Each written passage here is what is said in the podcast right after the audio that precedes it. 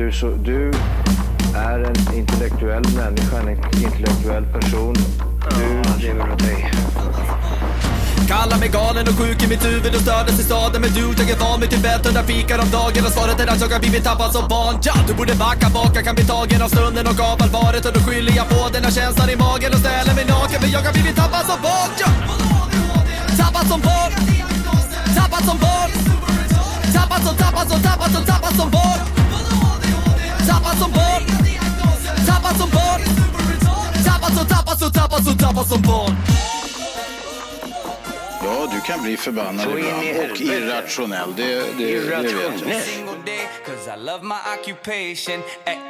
ay, I'm on vacation. If you don't like your life, then you should go and change it. Ay, ay, ay, I'm on vacation every single day cause I love my occupation. Ay, I'm on vacation every single day, every, every single day. Every single day, every single day. Every single day, every, every single day. Jajamän, hej och välkomna till Tappad som barn podcast. Bästa podcast just för dig. Vi har kommit fram till avsnitt nummer ho- 182. Jajamän! Och eh, vi, vi hörde ju låten här, det är vacation och grejer. Eh, och bara för, för det så sitter vi på en båt. Och inte vems båt som helst, utan Jan Emanuel. Välkommen till podden. Tack så mycket, tack så mycket. Igen. Jajamensan. Jajamän. Och eh, du ska ju inte vara ensam i den här podden, utan du har ju tagit med dig en... Ja, din son, kan man säga. Ja, det gäller, ju- det gäller ju att vara på tårna så att jag tog med mig Hanif. Ja men gud, blev, blev jag din son plötsligt?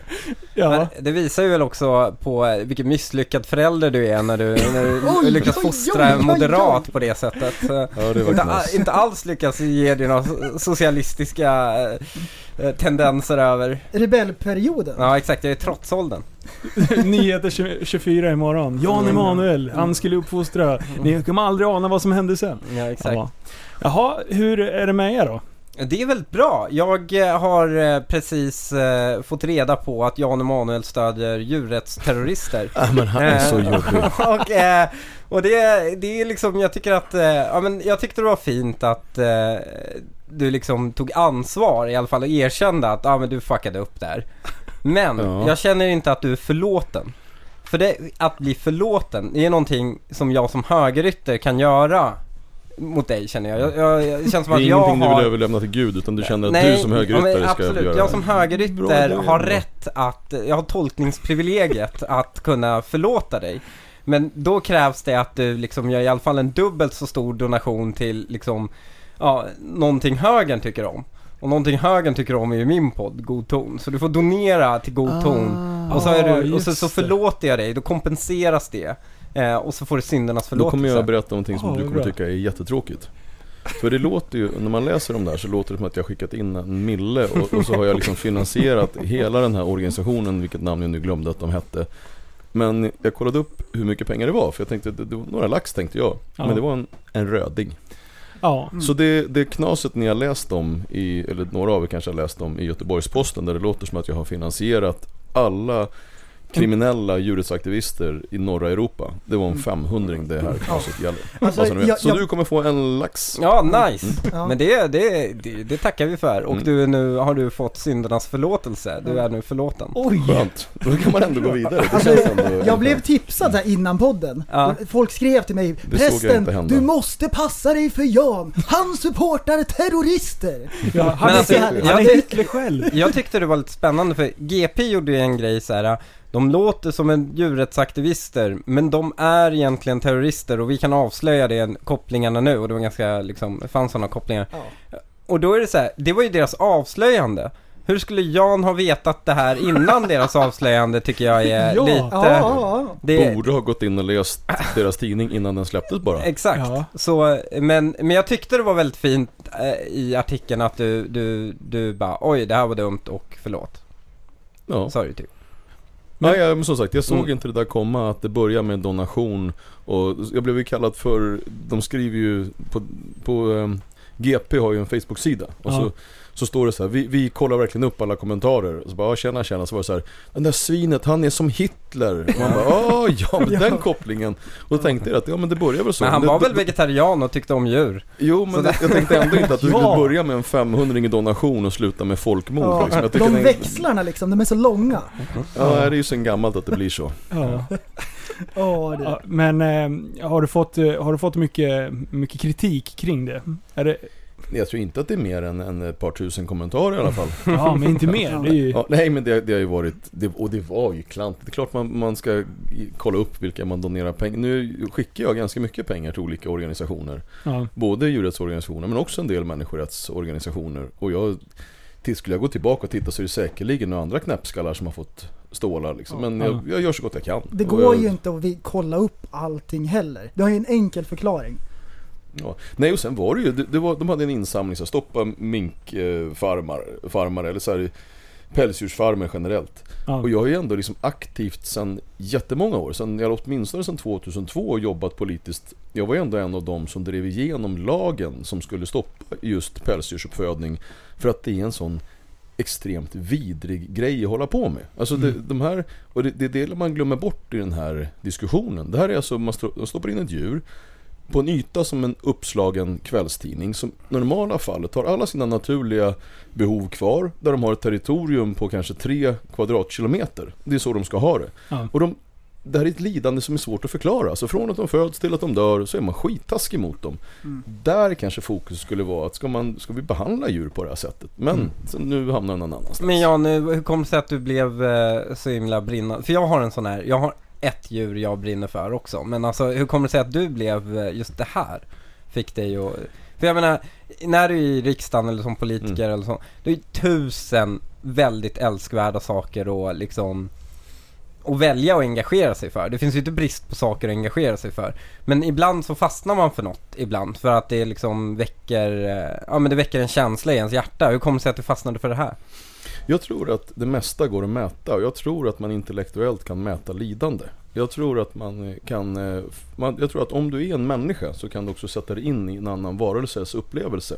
Mm. Och tittar man på djur så är det kanske det mest oskyldiga vi har. Det är svårt att hitta någonting som inte är, bär på skuld. Utifrån att de, de, de planerar ingenting taskigt, de är ohjälplösa, de har ingen som företräder dem. Och när man spärrar in djur, oskyldiga, kännande, upplevande varelser på det här sättet. Om man då tänker så här, vilka får uppleva den mest extrema, ett extremt lidande i, i Sverige just idag? Då kan man tycka, oh, men, tänk på den stackars, fan vet jag, någon person. Men ser man på djuruppfödning, alltså vilket lidande som det genererar och särskilt då pälsdjursuppfödningen så är det, så, det är så lätt att se. Det här är ondska. Man gör inte så här mot levande varelser. Alltså stoppa skiten. Ja. Därav, det är rent utilitaristiskt. Så var, om jag gör det här, Men hur var- mycket lidande skulle jag kunna Ja, stoppa men- med en men- enklare variant? liksom? Var det liksom någonting du läste eller någon du träffade eller någonting sånt? Har du eller bara har du alltid fall? haft det? Ja, jag har ju varit in på sådana här farmer och framförallt så började det här började när jag var, jag hade ett sommarjobb när jag var 12 på biomedicinska centret i Uppsala, alltså en försöksdjursanläggning. Okej. Och det satte sig kan man säga. Och där såg man alltså att vad människan är kapabel till att göra med djur. Och då, där någonstans så sa jag att det där, ja, ska jag göra någonting, ska jag göra rätt någon gång så då ska jag, det här är någonting, det här är någonting man kan, alltså m- man fick känslomässigt, man gick torsk på För det. mig är det havsdäggdjur. Ja, det är Ja. delfiner, valar. ja, när de harpu- Eh, harpunerar dem. Ja, exakt. Men också SeaWorld som eh, när de har späckhuggare. Jag älskar späckhuggare. Det är Ja. extremt kännande, snälla, liksom havsdäggdjur. Ja. Som lever, alltså de lever i 120 år i det vilda och de blir 20 år hos SeaWorld. ja. Eh, Och när man ser den här fenan som, Som är liksom- böjd som ja, är och de har ju böjd. sålt in, ja men det är, de blir så ibland, de blir aldrig det i det vilda. Ja. De blir aldrig Och, det. och samma sak, det finns ingen späckhuggare som har dödat människan. Ja, inte i det vilda. Någonsin i det vilda. Två gånger har det hänt. Nej det har skett I- fler gånger, varav eh, i, i SeaWorld har de ju en Tillicum som har, de, de Mm. gjorde en dokumentär om det som heter Blackfish Ja, som ja, jag precis. rekommenderar alla att se. Mm. Mm. Eh, den, den hölls inlåst varje natt i en metallbox i hela sin uppväxt. Ja, ja. Och den blir ju psykopat. Alltså den blir ju Ja. psykopat. Vem skulle inte Ehm, bli? Mm. Och det här är extremt, extremt kännande eh, individer och de är också eh, de lämnar ju aldrig sin moders sida. Alltså aldrig. Eh, det, och det eh, SeaWorld gör ju att de tar ju barnen ifrån mödrarna för att kunna uppfostra dem själva. Och eh, du, du har ju en episod i den filmen, alltså i den dokumentärfilmen, de har tagit en sån här eh, bebis från, från mamman. Och sen så börjar mamman göra ett ljud som de aldrig hade hört förut. Så de tar in en sån här sonograf och, och en ljudexpert och sen så mäter de det här ljudet. Och så visar det sig att mamman alltså gjorde ett ljud som var till för att penetrera väldigt långt. Så den skrek ju, alltså bara flera månader efter sin bebis. Eh, och det här då, eh, det är för att se några volter till, liksom på, i någon jävla pool. Och det, det, det gjorde mig. Så för mig är det, jag vill ju, jag, så som tur har vi inte späckhuggare i Sverige, men vi har delfiner och de är exakt lika kännande. Eh, och eh, jag tycker bara, det här med att Kolmården har delfiner, det borde de bara upphöra med omedelbart. Ja. Då, får, då får jag också välja en djurgrupp då, då som, jag, som jag känner mycket för. Eller Mm. liksom ett område Mm. där, där djurplågeri är väldigt så här utbrett och det är makabert. Det är när man ser hur kineserna behandlar Nej men fy fan. Ja, men det, det där, där, jag har jag sett så mycket Jag videos här och jag jag, klarar förstår inte hur det är så att, att ja, men det är bara ett djur Mm, och det är så här mm. kollektivt så liksom, bara, nej men det är inga konstigheter. Det är liksom, Nej men det, det, det, de sakerna jag har sett därifrån, det, Nej det men klarar hade, jag hade vi inte lagt ner försvaret hade man ju hade man önskat att vi bara kunde anfalla Kina för sakens skull. Det men- Det tio hade gått, det hade gått sådär, men vi hade, hade ändå gjort det. Ja, Vi det är försökte i fru- alla fall. det är fruktansvärt. Ibland är det vackert med kulturimperialism liksom. Ni har fel, vi har rätt I och det här fallet så är det inte speciellt svårt att komma fram till vad som är rätt eller fel. Ska Ja. man säga, ja, ska vi stoppa ner levande hundar i kokande vatten? Nej det är fel anfall. man kan inte flå dem levande. Det är liksom, det är bara fel. Ja. Men eh, Jan, eh, det här med minkar och sånt där. Alltså är det mer själva produktionen utav pälsen som är det som du eh, fördömer eller är det hur hanteringen av djuren? Nej men alltså Du vad, vad, vad du, vad du gör med ett dött djur. Alltså Ja. jag kunde inte, couldn't care less. Utan det är ju bara lidandet som sådant Ja. som, Mm. jag, som Mm. jag vänder mig emot. Så vi Alltså- säger att man skulle ändra liksom förhållandena på de här hade, minkfarmarna? hade de här minkarna, och det, det finns en, en grundläggande rättighet när man pratar om rättigheter till djur. Ja. Då kan ju en del säga så ah, vadå, tycker du de ska ha rösträtt eller? eh, nej, men jag tycker att de har rätten till sitt naturliga beteende. Att du, Mm. du har inte rätten att spärra in dem på ett sånt sätt så att de inte kan ges utlopp för sitt naturliga beteende. Och spärrar man in ett djur som har alla sina naturliga instinkter kvar på en uppslagen kvällstidning som normalt sett kutar runt på ungefär 3 kvadratkilometer. Mm. Då är man en dålig människa. Då ska man sluta med det. Ja. Punkt. Alltså man gör inte så mot djur. Och tittar man på hur de har det. Alltså det, det finns ju mycket filmer på hur det ser ut inne. Och tack vare djurrättsrörelsen. Och det glömmer man också bort. Eh, tack vare djurrättsrörelsen så kommer också informationen ut. Filmerna kommer ut hur de faktiskt behandlar djuren både på de här, på de här minkuppfödningsställena, på, eh, när det gäller mjölkproduktionen, köttproduktionen. Hade inte de funnits så hade vi suttit här och trott att ah, bara, bara köttet är gjort i Sverige, då, då, då, då, då är kossorna asaglada bara. Mm. Nej. Nej, Nej, så det är bara lidandet. Det finns inga andra... Hade det varit så att... Alltså jag äter jättegärna kött. Jag vill kunna äta kött. Ja. Men betänklig, betänkligheten mot att äta kött, det är ju bara för hur man producerar köttet. Alltså Mm. hur de behandlar djuren under, under den tiden som djuren är levande. Men då är- ser du ju fram emot, de har ju kommit med artificiellt kött. Har du sett? Eh, Det har ju, Ja, de, de odlar i labb. Ja. Så det är riktigt kött. Eh, och det var pissdyrt i början att producera och nu har de fått ner priserna ganska rimliga så nu kostar det liksom som dyrt kött och Mm. de kommer få ner det så att det är billigare än vanligt kött. Och då växer bara köttet. Det är liksom, Mm. och du kan få till vilken köttbit du vill liksom av det och göra det perfekt. Alltså, bara- what? Så det det är lite är- läskigt. så det här är labbkött är det hetaste. Det kommer, och det kommer ju också kunna lösa mycket av matproduktionen för du behöver ju enorma arealer liksom för att producera kött. Och här och kan det är metangaser och det är... Ja exakt. Och nu slipper du urin. Allt det, det är miljövänligt och så. Och det är därför veganerna har fel. Ja, veganerna har ju kanske inte, inte fel faktiskt måste jag säga. Veganerna, jag skulle säga så här, fanns, finns det en gruppering som hånas för att de är goda, så är det, det, är, det är lite roligt att folk säger men eh, veganer, bara, ja, men de gör en uppoffring som, väldigt, som, som ändå ganska få pallar med. För att de tror på någonting. Sen finns det ju veganer för att de tror att de ska få säga åh jag blir mycket, jag kommer leva jättelänge om jag är vegan. De skiter jag i, de får ni håna.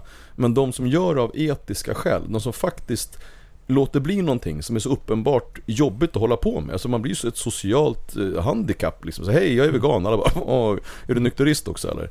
Och, och det, det, det är inte roligt alla gånger liksom. Men de gör det för att de är goda. Ja, den är jag med på. Jag tror ju faktiskt att, att om, om, om Sankte Per nu var en, en fysisk figur och stod där, då skulle han ju runt öppna dörren speciellt till just veganer. För att de har sett till att, att generera mindre lidande i sitt liv än vad många andra har gjort. Mm. Intressant eh, synvinkel ändå. Ja, får man lära sig något nytt. Hmm. Men jag tycker det svider i adamsäpplet. Ja, jag kände Det svider så sjukt mycket Direkt när vi kom till Stockholm Ja, kände jag jag det började bränna i halsen, på huden. Jag känner stresspåslag, Ja. jag får ont i huvudet, eh, jag glömde min foliehatt hemma. Eh, 5G tänkte jag att vi skulle in och grottas lite med.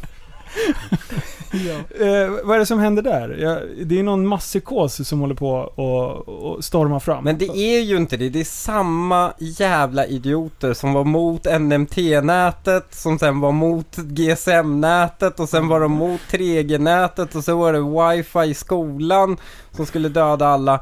Och nu så är det 5G liksom. Alltså det är ju, de bara hittar en ny grej det här är ju och det här är ju dokumenterat sen, sen gammalt liksom har det ju funnits liksom människor som varit liksom, ja men elallergiker och liksom känt av sådana här Ja. grejer liksom. Mm. Det har alltid funnits. Mm. Eh, och, och, och det, jag, jag blev stoppad på gatan och någon försökte skylla corona på 5G. Ja! Oj, Eh, är den så var, bra. alltså, och var helt övertygad. Och han, det han sa var så här.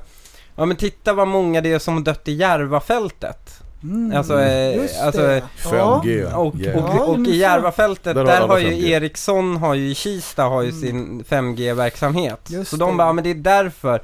Så jag bara, ja men problemet är att det har också varit väldigt många, alltså överrepresentation av döda i Norges utanförskapsområden. Eh, och där har de inte 5G. så, så det Ah. kanske finns en annan korrelation. Mm. Nej, det, är- han, han var sur för jag skrattade åt honom. Åh För hans fina teori. Mm. Ehm, Han trodde att det var case closed. Ja, ja, ja, Ja, jag bara, ja, ja, ja. men jag, bara, ja men i Botkyrka också. Och där är det inte 5G. Mm. Så, nej men han hade tänkt igenom det där helt och hållet. Men alltså, om det är någon grupp människor som tycker att de är så här, om, om vi säger vegangoda. Om det är någon som har föreställningen av att de är så goda. Då är det ju de här 5G Mm. eh, varningspersonerna. Ja. Jävlar vad de stångas på internet. Det Men- är jättekul. Har ni varit på alternativmässan någon gång? Nej. Jag bara tipsar alla att göra det någon gång. Det är s- så här, Ja. CP-safari. Eh, det, är, det är verkligen så här. Folk är helt, helt galna. Eh, så vi kommer dit, eh, jag får det i, i present av min polare Per, så i, i, i födelsedagspresent, kommer dit och sen så är det bara galningar, det är bara, alla är bara galningar, du vet det är Ja, såhär, eh, ja. kollodialt silverfolk och, Ja. och kristallfolk Eh, och eh, chemtrails. eh, absolut, och så var det massor. så här, fifth dimensional quantum healing Skulle det kunna Eh. vara så att ganska många röstar på Miljöpartiet i den där eh, församlingen? Alla röstade på Miljöpartiet, eh, förutom, och så var det de vettigaste personerna där Det var Södermalmskyrkan, de var så här, de mest fundamentalistiska, ny, ny, liksom, eh, frikyrkliga du kan hitta De var de vettigaste ma- personerna där, och en kille som sålde hålfotsinlägg Ehm, eh, Men, eh, när vi var där så, så tänkte vi så här, men hur lätt triggade är de här människorna? Mm. Så då gick jag först till eh, homeopaterna och så frågade jag, ja men av alla de här människorna här, för det fanns det änglahelare och massor av sånt där. Och så frågade jag men om alla de här, vad är mest fake liksom? Så här, Mm, av allt här. Alltså, det, för jag menar, ni har ju rätt. Vem trollar mest? Eh, och alla älskar ju att säga att de botar de får ju inte säga att det botar cancer, men alla vill ju egentligen säga att just Ja. deras grej botar Ja. cancer. Så du får ju liksom, du, då smeker du deras egon genom att säga Men jag, för jag vet ju att era grejer botar cancer, och det, Mm. det får de sitta och nicka till, de får inte säga Ja, De biter sig i säga läpparna. Det, ja, exakt. Men Ja, de blir jättestolta och glada, så då börjar jag homo- jag vet ju att ni botar cancer. Men alltså vilka av de här grejerna är, är sämst? Och då, och då gick, och då sa hon så här, ja men om jag ska vara ärlig, jag mäter ju folks chakror när de kommer hit. Mm. Och eh, just eh, kristallmänniskorna, deras, inte Mm. alls funkar det. Dåliga chakra. Ja, och då sprang jag ju med det här inspelat till stenmänniskorna och bara vet ni vad homeopaterna sa om er? och bara startade det här inbördeskriget mellan, ja det var väldigt roligt. Jag tipsar alla att göra det någon gång. Det är verkligen så här weirdo safari. Jag, jag kan tipsa er. Och sen, och, men alla är eniga och har en gemensam fiende där. Och det är Socialstyrelsen. Oj! För Socialstyrelsen är de som förbjuder dem att säga att de botar cancer. Så alla, Ah. alla hatar ju Socialstyrelsen. Och då fanns det den här killen som, eh, han som då sålde hålfotsinlägg där. Eh, han var ju legitimerad, eh, typ legitimerad eh, arbets, ja men någon, någon form av terapeut för rygg och, och grejer. Och den legitimationen får du ju från Socialstyrelsen. Så då börjar jag sprida runt att han, han är ju ansluten till Socialstyrelsen där. Ja. Så får vi se. Men det är, jag tipsar alla att gå dit och du kan få igenom mycket jävelskap. Alltså vad bra. Ja, ja, jag älskar Ja, små ja. inbördeskrig. Det är spännande med specialare. Ja. Det är bara så. Mm. Ja. Det är kul. Men, för det, det är hela den här 5G-grejen. Jag, har- jag har sett en, ett mönster. Det finns en person som har eh, haft väldigt mycket pengar en gång i tiden. Eh, och sen eh, nu har, livnär sig lite på att sälja saker som är alltså strål... Eh, s- Skydd. Strålskydd Mm. i stort sett. Det är allt ifrån skal. Ja, sätter du det på din telefon, du har noll mottagning, alltså noll strålning. Har du en, en router hemma, du sätter upp den här, då får du noll mottagning. Skitbra.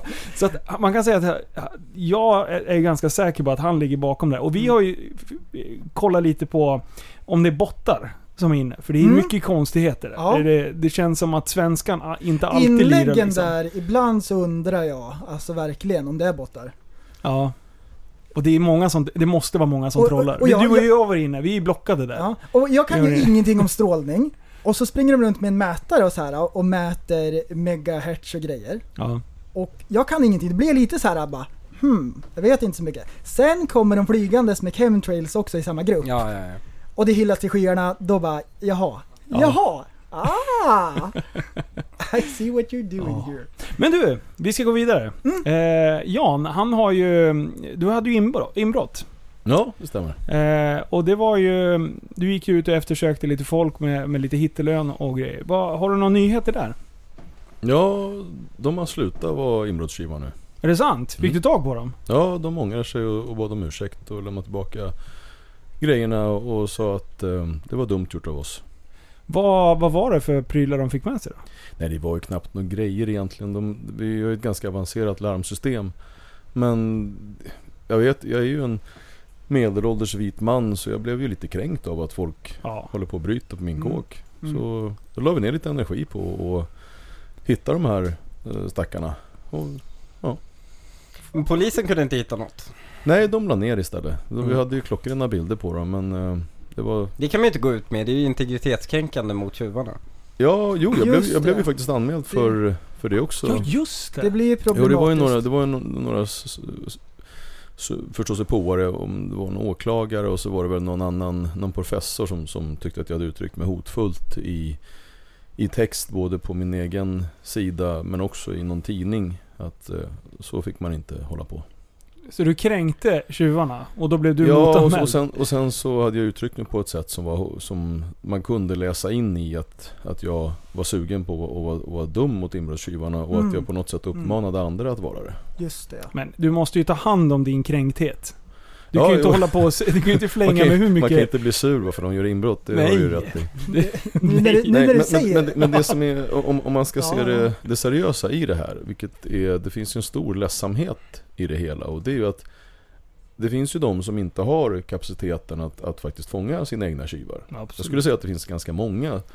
Nu har, har jag privilegiet att både ha den ekonomiska kapaciteten och, och kanske också annan kapacitet att säga ifrån och att faktiskt engagera mig i att, att få tillbaka mina grejer och hitta de här personerna. Mm. Men att vi faktiskt närmar oss- ett system där det inte är så längre. Utan man, när man kanske till och med börjar fråga sig, men är det någon idé att ringa polisen? Ja. För om man ger polisen klockrena bilder eh, och sen så, de kom en gång eh, Mm. vid inbrottet och så gjorde lite någon form av undersökning. Jätteartiga, trevliga konstaplar, sa min fru. Eh, och sen så nästa gång då ringde de och sa, jag hörde att, jag hörde att du, du hade fått tag i dem. Ja, det stämmer, sa jag. Och tredje gången fick vi ett papper hem eh, där förundersökningen var nedlagd. Okej, men eh, du gjorde ingen polisanmälan, alltså ytterligare, som, som gick till någon, någon sorts dom eller något? Utan du löste det? Ja, ja, vi resonerade oss fram till att de skulle sluta vara tjuvar. Och att de inte kanske skulle hänga så mycket i, i mina trakter längre. Ja. ja. men, ja. Jag, jag har en, en fråga lite grann på det området. Eller eh, har du en mer på det? Ja. Kör. Så att de, Nej. Har du något mer på det? Eller, för jag har, Ja, nej, jag har en det- det fråga var ju- lite grann om det här. Nej, det- som sagt, det, kontentan är, det, det är ledsamheten efteråt. Att det Ja. finns, när man inser hur många människor det är som, som blir utsatta. För det är jättejobbigt, tror jag, för många människor upplevelsen av att få ett inbrott. Mm. Alltså för mig var det mer så, jaha, det var ju kul att se att larmet funkar och så garva lite åt det. Men sen så kom ju den här, jag bara, vad fan, kom de till mitt hus? Ja, jag vet. igen, jag vet. liksom. Ja, det är den Det grejen. där ska du sluta med. Ja. Och, Ja, så, det där är- och då kom jag på att det där, de här grabbarna, alltså, man gör inte så. Så Mm. då tänkte jag då måste jag hitta och så gjorde jag det. De- Jag har ju lite samma grej. De, det är ju någon som ger sig på mig min, min bil hela tiden. Jaha. Eh, och eh, ja men Ja men du såg ju Jan Emanuel Mm. idag hur den såg ut. Den, den är liksom sönderrepad eh, och nersprayad med sprayfärg och, och så. Det är varannan månad något sånt sker.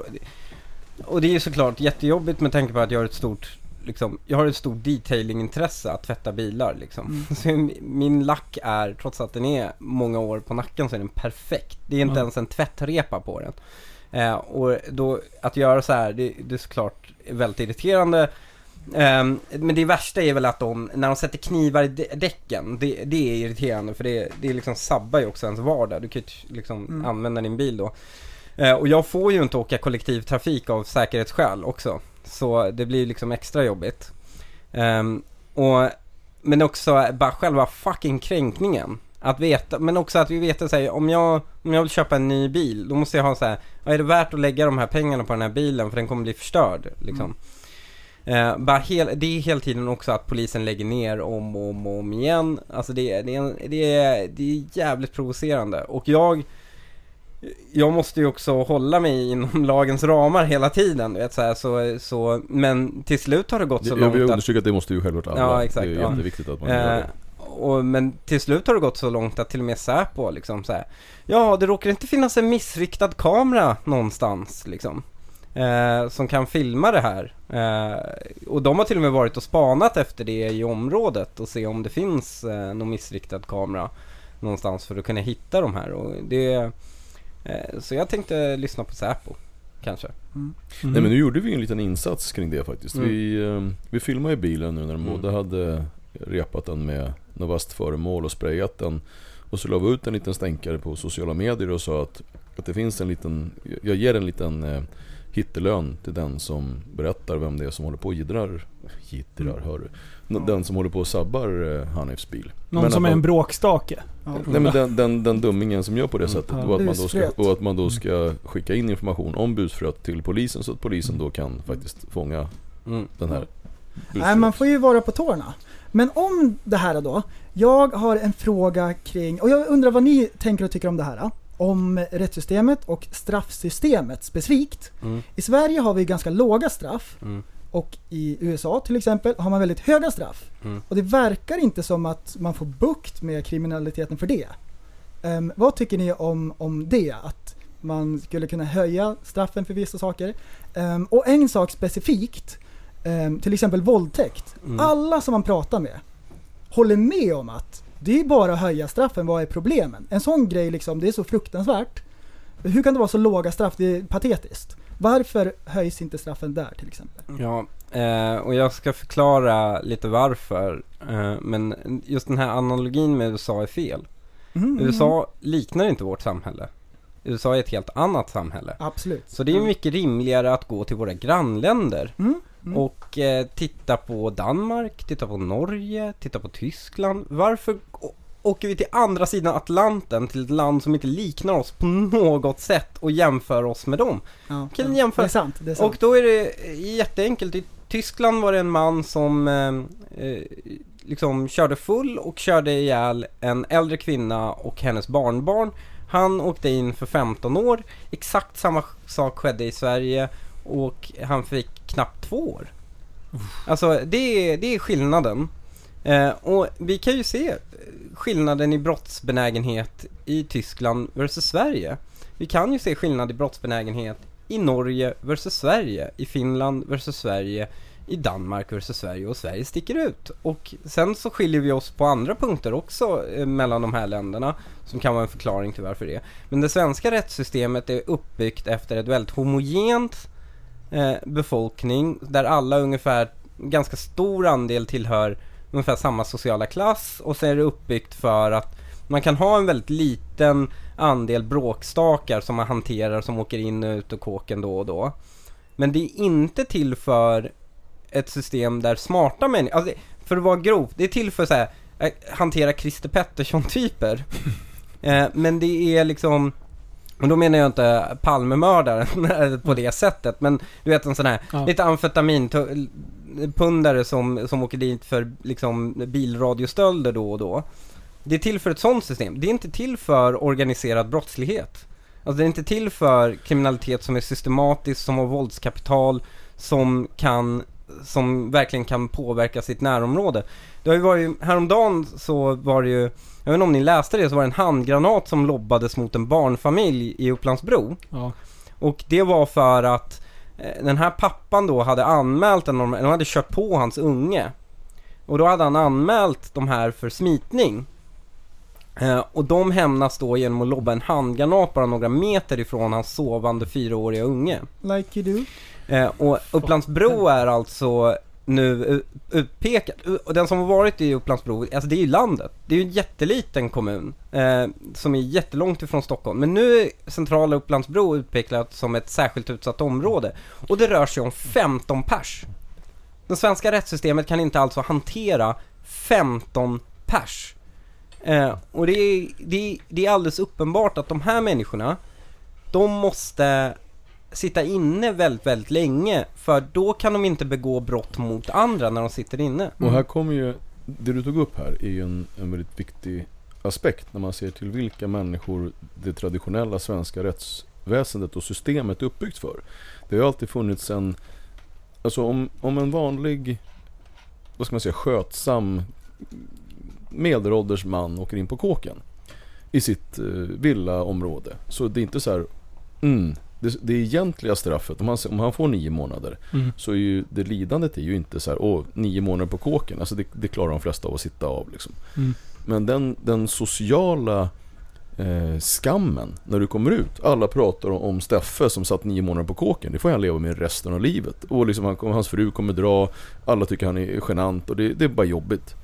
Det som har hänt nu, det är ju att bland de nya killarna, de som nu håller på och lobbar in en handgranat.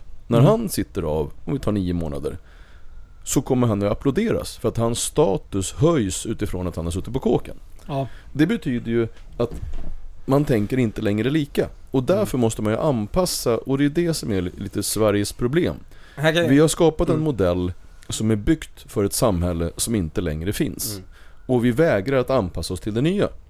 Både då man ser eh, till det har kommit människor från helt andra kulturer som har helt annan syn på staten och, och respekten för rättsväsendet. Och där måste vi också se till det är inte konstigt att om du kommer från ett land där staten är ond, polisen är korrupta och äckliga och elaka, så kommer du till ett land där polisen faktiskt per definition inte alls är korrupt. Och faktiskt den mest hedliga och bästa, en av världens mest välutbildade poliskår och som alltså mest eh, jämlika poliskår och så vidare och så vidare. Liksom. Mm. Så det är klart att det händer någonting eh, kring det. Och där måste vi våga säga att ja men okej, Sverige är inte som det såg ut förut. Alltså måste vi också anpassa både straffsatserna och rättsväsendet. Hela kalaset måste anpassas efter så som det faktiskt ser ut nu. Och där är du inne på helt rätt spår att så länge du sitter på kåken, då, då finns det ju forskning som visar på att så här, ja men du blir inte bättre av att sitta på kåken. Det, det är en jättehög återfallsfrekvens efter att du suttit på kåken. Ja. Mm. Men om du lobbar handgranater, våldtar folk, då tycker jag att du ska sitta kvar på kåken. För att det är så det ska vara. Mm. Och så där, de långa straffen är ju inte för att de ska liksom bli lyckliga återanpassade människor längre fram. Utan det är för att under den tiden som de är på kåken så kommer de inte lobba fler handgranater. Det är däremot bevisat. Mm. Ja, och här finns det, jag kan dra några sjuka exempel på hur det funkar. Alltså ta till exempel villkorligt. Villkorligt bygger på konceptet att det är så skambelagt att bli dömd att när du kommer tillbaka till bygden så är det så, så håller du dig i skinnet för att, ja men då vet alla att du har blivit dömd. Eh, och sen får du liksom hålla dig lugn. Eh, medans, alltså vi ger människor som har så här utländska stöldligor, som alltså åker in, har en stöldrunda här och, och, och åker ut igen. Ja. Då när de kommer till Sverige så får de villkorligt, när de, om de åker fast, vilket sannolikheten är, de får alltså villkorligt säga ja men det är första gången du blir dömd här. Så du får villkorligt, får du åka hem till byn i Rumänien och skämmas liksom. Det är ingen fan där som kommer veta att den är så dömd och även om den skulle veta det Så inte fan hade han inte skämts. fan hade han skämts för det liksom. Det, är- det är ett helt bisarrt system. Och tittar man på just det här med den bästa brottspreventiva effekten som finns är ålder. Alltså när Mm. människors Ja. hjärnor växer Japp. färdigt Det- så blir de klokare. Ja. Och det, det vi vet är att vissa människor, Eh, och det här är starka ärftliga faktorer, bara ärver ett väldigt dåligt temperament och en väldigt dålig självkontroll. Eh, och det här kan ta sig uttryck på många sätt, ibland som positiva, man är risktagande entreprenörer. Ibland som negativa sätt som man klarar inte av att inte smälla någon på käften. Eh, och alla de här sakerna, och det vi vet är att med ålder så trappas det här av och då är det kanske klokt att någon som har hamnat på en djupt kriminell bana som inte har förmågan att hantera sina impulser kanske borde sitta i en kontrollerad miljö under den tiden som ens hjärna växer färdigt. Och det är därför människor som, det är därför man hittar även forskning som visar att särskilt ungdomar som döms till längre straff, alltså ju yngre de är och döms till längre straff, har en lägre återfallsfrekvens än de som döms till kortare straff. För att deras hjärna hinner växa eh, färdigt. Och här finns, här finns det också en annan aspekt i det här, nämligen jag tror på en andra chans, jag tror till och med på en tredje chans. Men de vi pratar om som åker in, ta Upplandsbro, eh, där den utpekade gängledaren där, den är, han är alltså dömd för 20 andra brott. Alltså, kan vi dra gränsen vid, så här, vid 20 gången, där, då får du ingen ny chans längre. Liksom. Alltså det behöver inte vara så extremt som andra gången. 20 chansen, det får du inte. Jag, jag tycker att det är en ganska enkel sak som jag tycker man ska ha fokus på i rättsväsendet. Det är att men det är lätt att se till den här, om vi nu tar det här exemplet då, den här gängledaren, tänker man så här, men ska inte han få en ny chans? Och ska, ska inte liksom, ska vi verkligen, ja, man fokuserar på den här gärningsmannen och tänker vad hans rättigheter och, och så. Jag tycker att det finns andra rättigheter också, till exempel för hans grannar att få gå ut och känna sig trygga. Ja. Jag ser mer rättigheter hos människor som är hedliga än människor som är kriminella. Jag tycker att det är viktigare att den som blir hotad än den som hotar får känna sig trygg. Mm. Och därav finns det en logik tycker jag. Så att är det en person som så uppenbart agerar så att andra människor, eh, deras vardag blir otrygg, det blir obehagligt och direkt alltså som är farlig för andra. Mm. Ja men då är det väl taskigt mot alla att låta honom vara där de andra är. Mm. Så därav så, jag, jag säger inte att vi ska liksom låsa in alla på så här skittaskiga sätt. Men de ska definitivt hålla, och till exempel om, om det nu, vi vet att våldtäkter till exempel, alltså upprepade våldtäkter, det är människor som de, återfallsfrekvensen är jättehög. Se till att de inte kommer ut igen. Men de behöver inte plågas och må dåligt inne på kåken. Det behöver inte vara så att det är dyrare att en fängelseplats så som det är just nu kostar mycket mer än eh, ett boende på ett äldreboende. Eh, Det ska bli tvärtom. Att man ska ju sätta, okej så här mycket får ett äldreboende kosta och då kanske hälften av det ska en, ska en eh, kriminell få kosta på, på kåken. Mm. Och sen så drog jag en annan, jag tycker att den, och den är värd för folk brukar säga men det där menar du inte. Men absolut, alltså vi kan ju outsourca saker till andra länder. Det finns jättemånga saker som man, där man kan förlägga saker i andra länder och folk tycker att det är helt okej. Varför, om, om vi tittar då, det finns en hel del grannländer som har en tiondel av den kostnaden som den svenska kriminalvården har för en plats per dygn. Varför lägger vi då inte ut så att vi kan få en tiondel av kostnaden i Rumänien istället för att ha jätte- jättedyra kostnader i Sverige?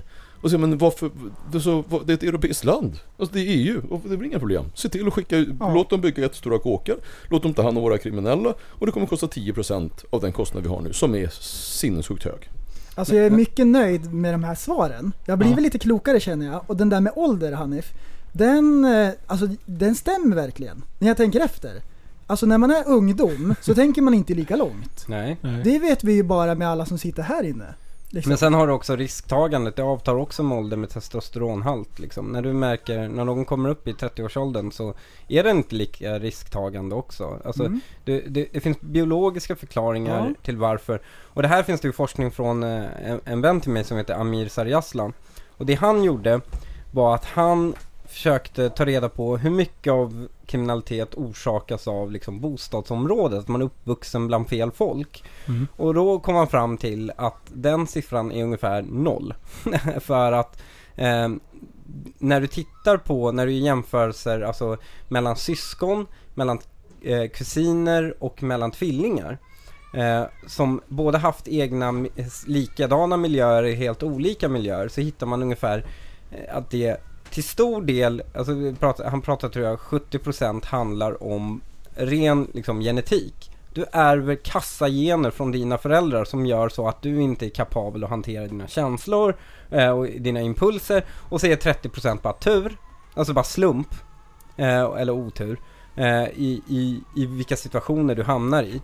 Men inget av det gick att förklara av bostadsområdet, snarare tvärtom så var ju tesen att det är bara att sådana människor tenderar att flytta till områden som är som våra utanförskapsområden. Okej. Eh, och då är det ju jävligt taskigt tycker jag mot alla de här, den extrema majoriteten av de här områdena som inte har de här problemen.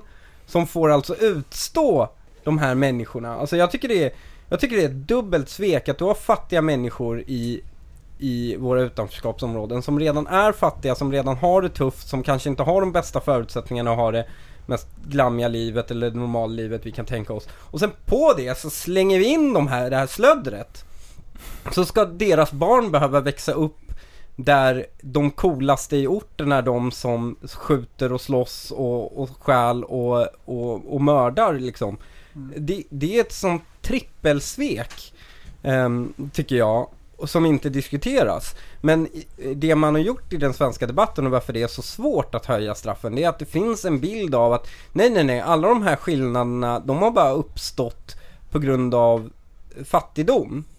Och att ge sig på då kriminella är som att ge sig på fattiga som har det svårt. Och det stämmer inte. Det är inte så att fattiga har en högre risk för att bli kriminella och det här är det Amir lyckades visa. Det är inte så att fattiga har högre risk att bli kriminella. Det är bara att kriminella tenderar att bli fa- fattiga för deras impulskontroll gör att de är dåliga med pengar. Alltså de klarar inte av att bygga upp kapital och, och leva ett normalt liv oftast. Men inte det en jättegammal del? Det, det man egentligen pratar om är ju arv och miljö. Ja.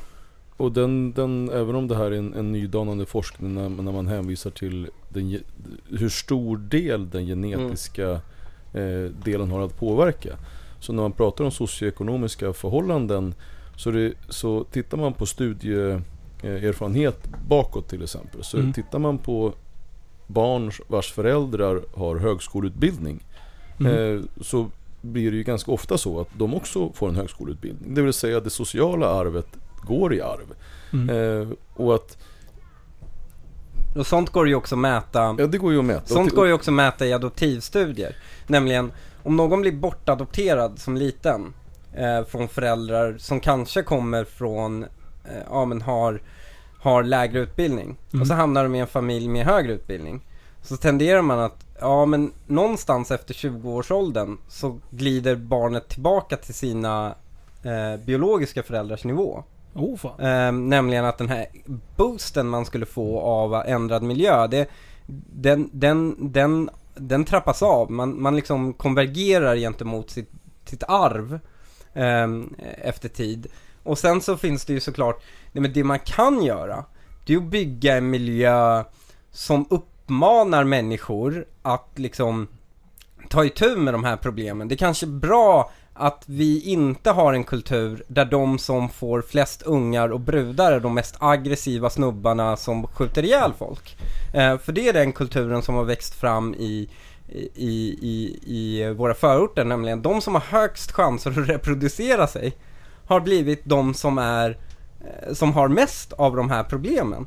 Och det är kanske inte en så bra norm. Ja, det, det, man, det man det man kan tjafsa om här är ju vad som är hönan och fjärden. Tittar man på kåken, alltså man går in och tittar dömda individer.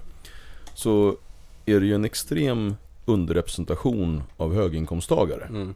Tittar man på människor som, som begår brott oavsett så är det liksom, ja men det, de har en gemensam nämnare, ja, det är fattigdom. Tittar man i USA nu när man, när man har fått en, eh, en noja på att hela tiden titta på, sig, på hudfärg och säger man så här, men den, den här, de, de har en, en eh, större risk att bli misshandlad av polisen eller hamna i fängelse och så vidare. Ja, då visar det ju sig att ja men den gemensamma nämnaren är ju kanske inte, det är inte kulören utan det är just hur mycket stålar man har. Det vill säga att man inte har, det vill säga att man är fattig.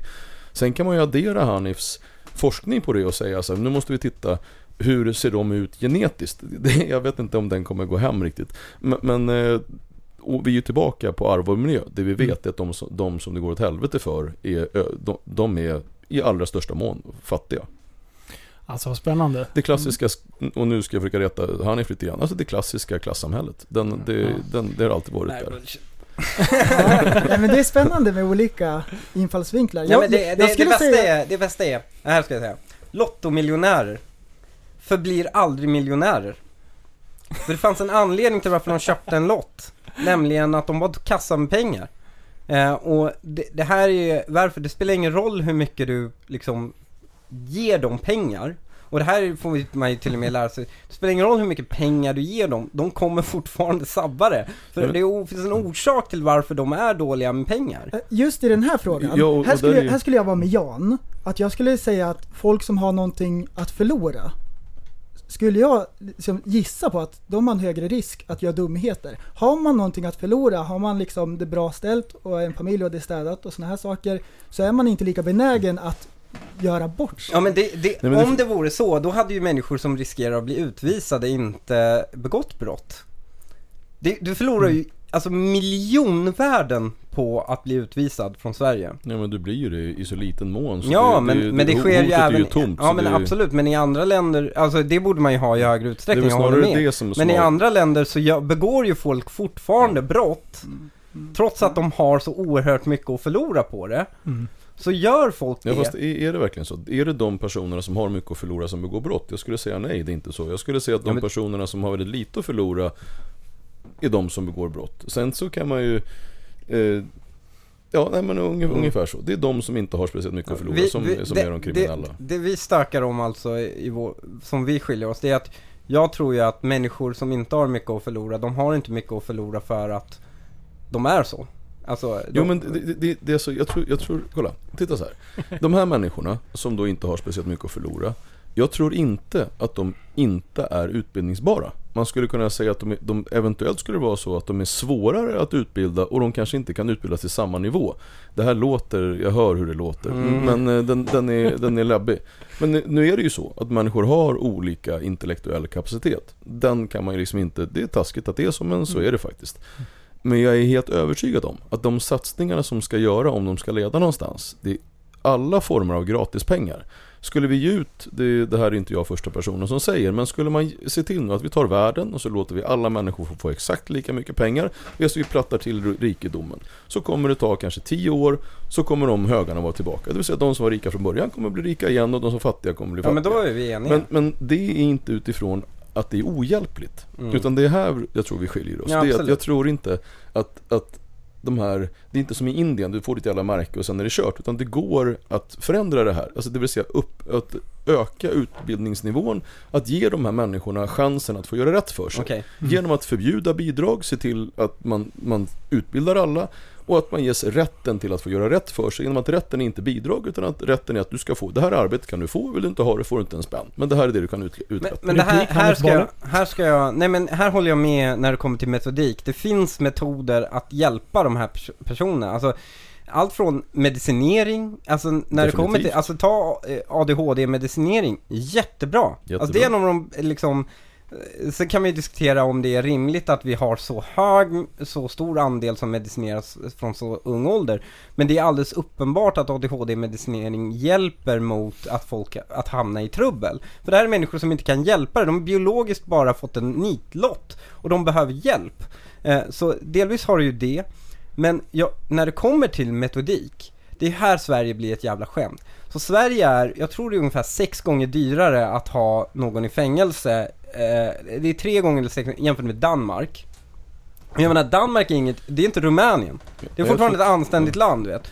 Det är bara skitdyrt och det kriminalvården säger är att, ja men vi har så stort fokus på vård.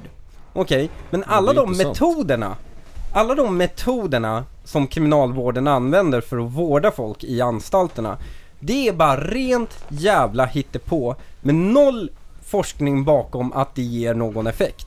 De de bara fipplar och liksom, de, det är bara rena gissningar på om det här funkar. Det finns ingen data på om det funkar eller inte. Och ett annat sjukt exempel, det finns till exempel ett program mot våldsbrottslighet, människor som har svårt att kontrollera sin, sin ilska och våld. Och då är programmet, det, det, det kortaste programmet som finns för det, eh, jag tror det är fem månader på kriminalvården. Men folk, och då säger vi så här, om i Sverige har vi inte fokus på straff, vi har fokus på vård. Men alltså genomsnittsmisshandlaren sitter en månad på anstalt. Så även om man skulle gå det här programmet som inte ens är vetenskapligt förankrat, så hinner de inte ens gå en månad innan de blir utskrivna. Så det blir ju, det blir ju ett jävla skämt att påstå att det svenska systemet på något sätt är rehabiliterande. Det är det ju inte. Och det kanske inte skulle vara så att det är frivilligt att delta. Ja, ja, In, när du väl sitter på kåken Ja. så kanske man inte ska fråga sig Hej, vill du delta på det här? Eller vill du gå och jobba? Utan det ska ju självklart vara så att om du inte gör så som du blir tillsagd så får du ett längre straff. Ja. Jätteenkelt. Ja. Ställa lite krav liksom. Eh. Vi ska röra oss vidare Ja. till nästa fråga. Det här är en grej som jag har funderat på lite grann och jag vill höra era tankar och idéer kring det här. Och vi ska kika lite grann på och fundera på hur kommer det utvecklas. Nu är vi inne i en fas där det är liksom PK-bubblans era.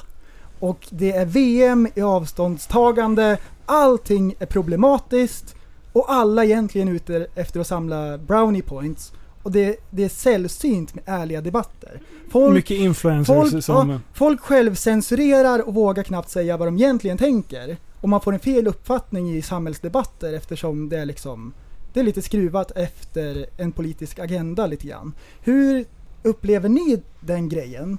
Och Ehm. kommer den, hur kommer den utvecklas? Ja men det, eh, jag håller inte med. Jag håller inte med om att vi är på piken av en PK-bubbla för att eh, Sverige har alltså alltid varit så här. Alltså det är en kulturell egenskap som finns i Sverige och finns dokumenterat flera hundra år tillbaka att folk tycker att vi är så här sjukt konstiga, att vi, liksom eh, utländska observatörer tycker att det är jättekonstig kultur här där folk är total konsensus och inte vågar prata fritt och sånt. Det här är dokumenterat sedan länge så det är en kulturell egenskap som finns i Sverige. Men sen finns det ju också dissidenter alltid, har alltid funnits. Problemet är att de här dissidenterna har tidigare inte haft en plattform.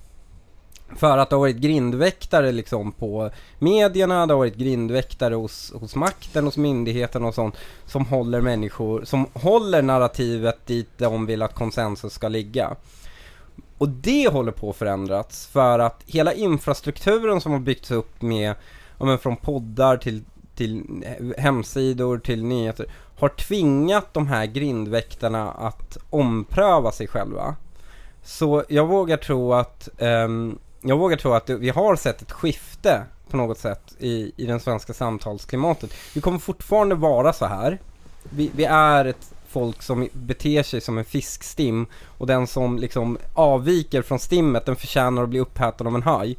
Eh, tycker alla och alla kan på en femöring bara vända eh, precis som ett fiskstim utan att någon vet ut, utan att någon har gett ett klartecken egentligen så vänder alla samtidigt. Alltså det kan vi ju titta på från att eh, Sverige var tryggare än någonsin så pratar alla om att liksom nu ska vi fixa till här med brottsligheten eller från att eh, det finns ingen gräns på migration till att alla nu tycker att nej men det är rimligt att det finns en gräns på migration.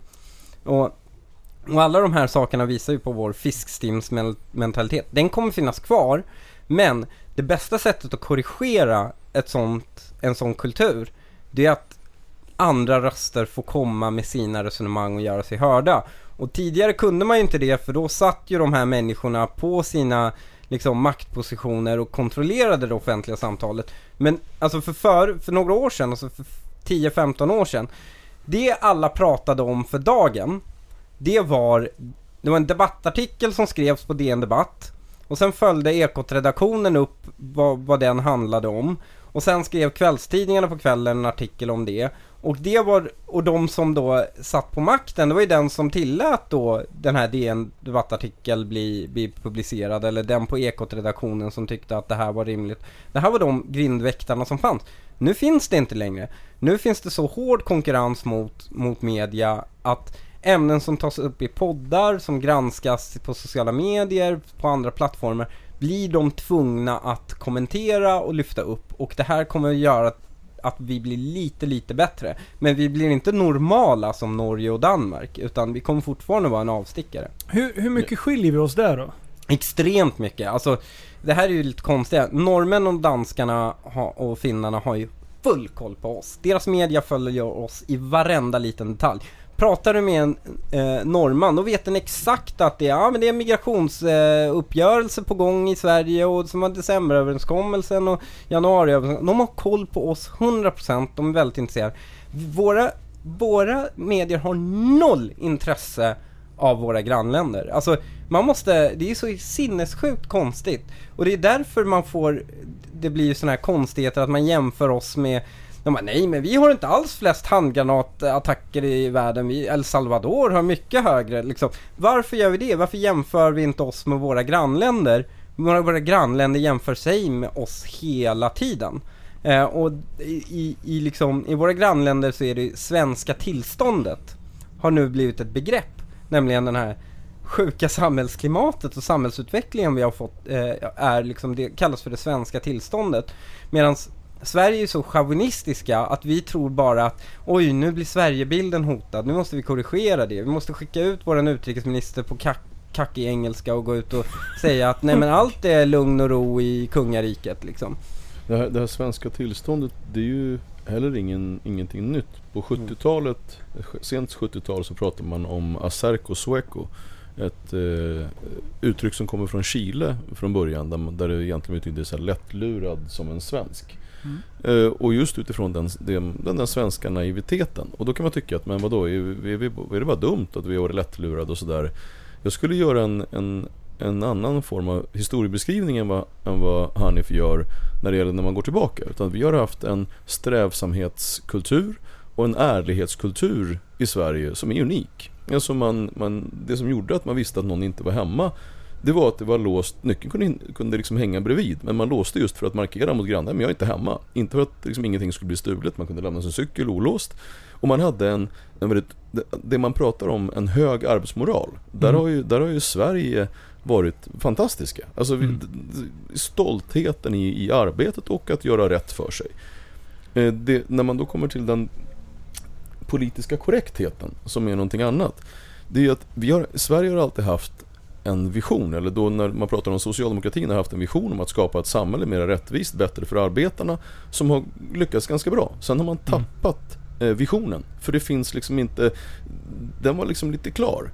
Det som händer, det som händer nu, det är ju att när alla springer åt samma håll, där, där man pratade lite här fiskstims-mentaliteten. Mm. Det är att vi går från extremen till extrem. Att vi mm. börjar med, mm. först, först så är vi så här, folk pratar om att Sverige är så här mellanmjölkens land.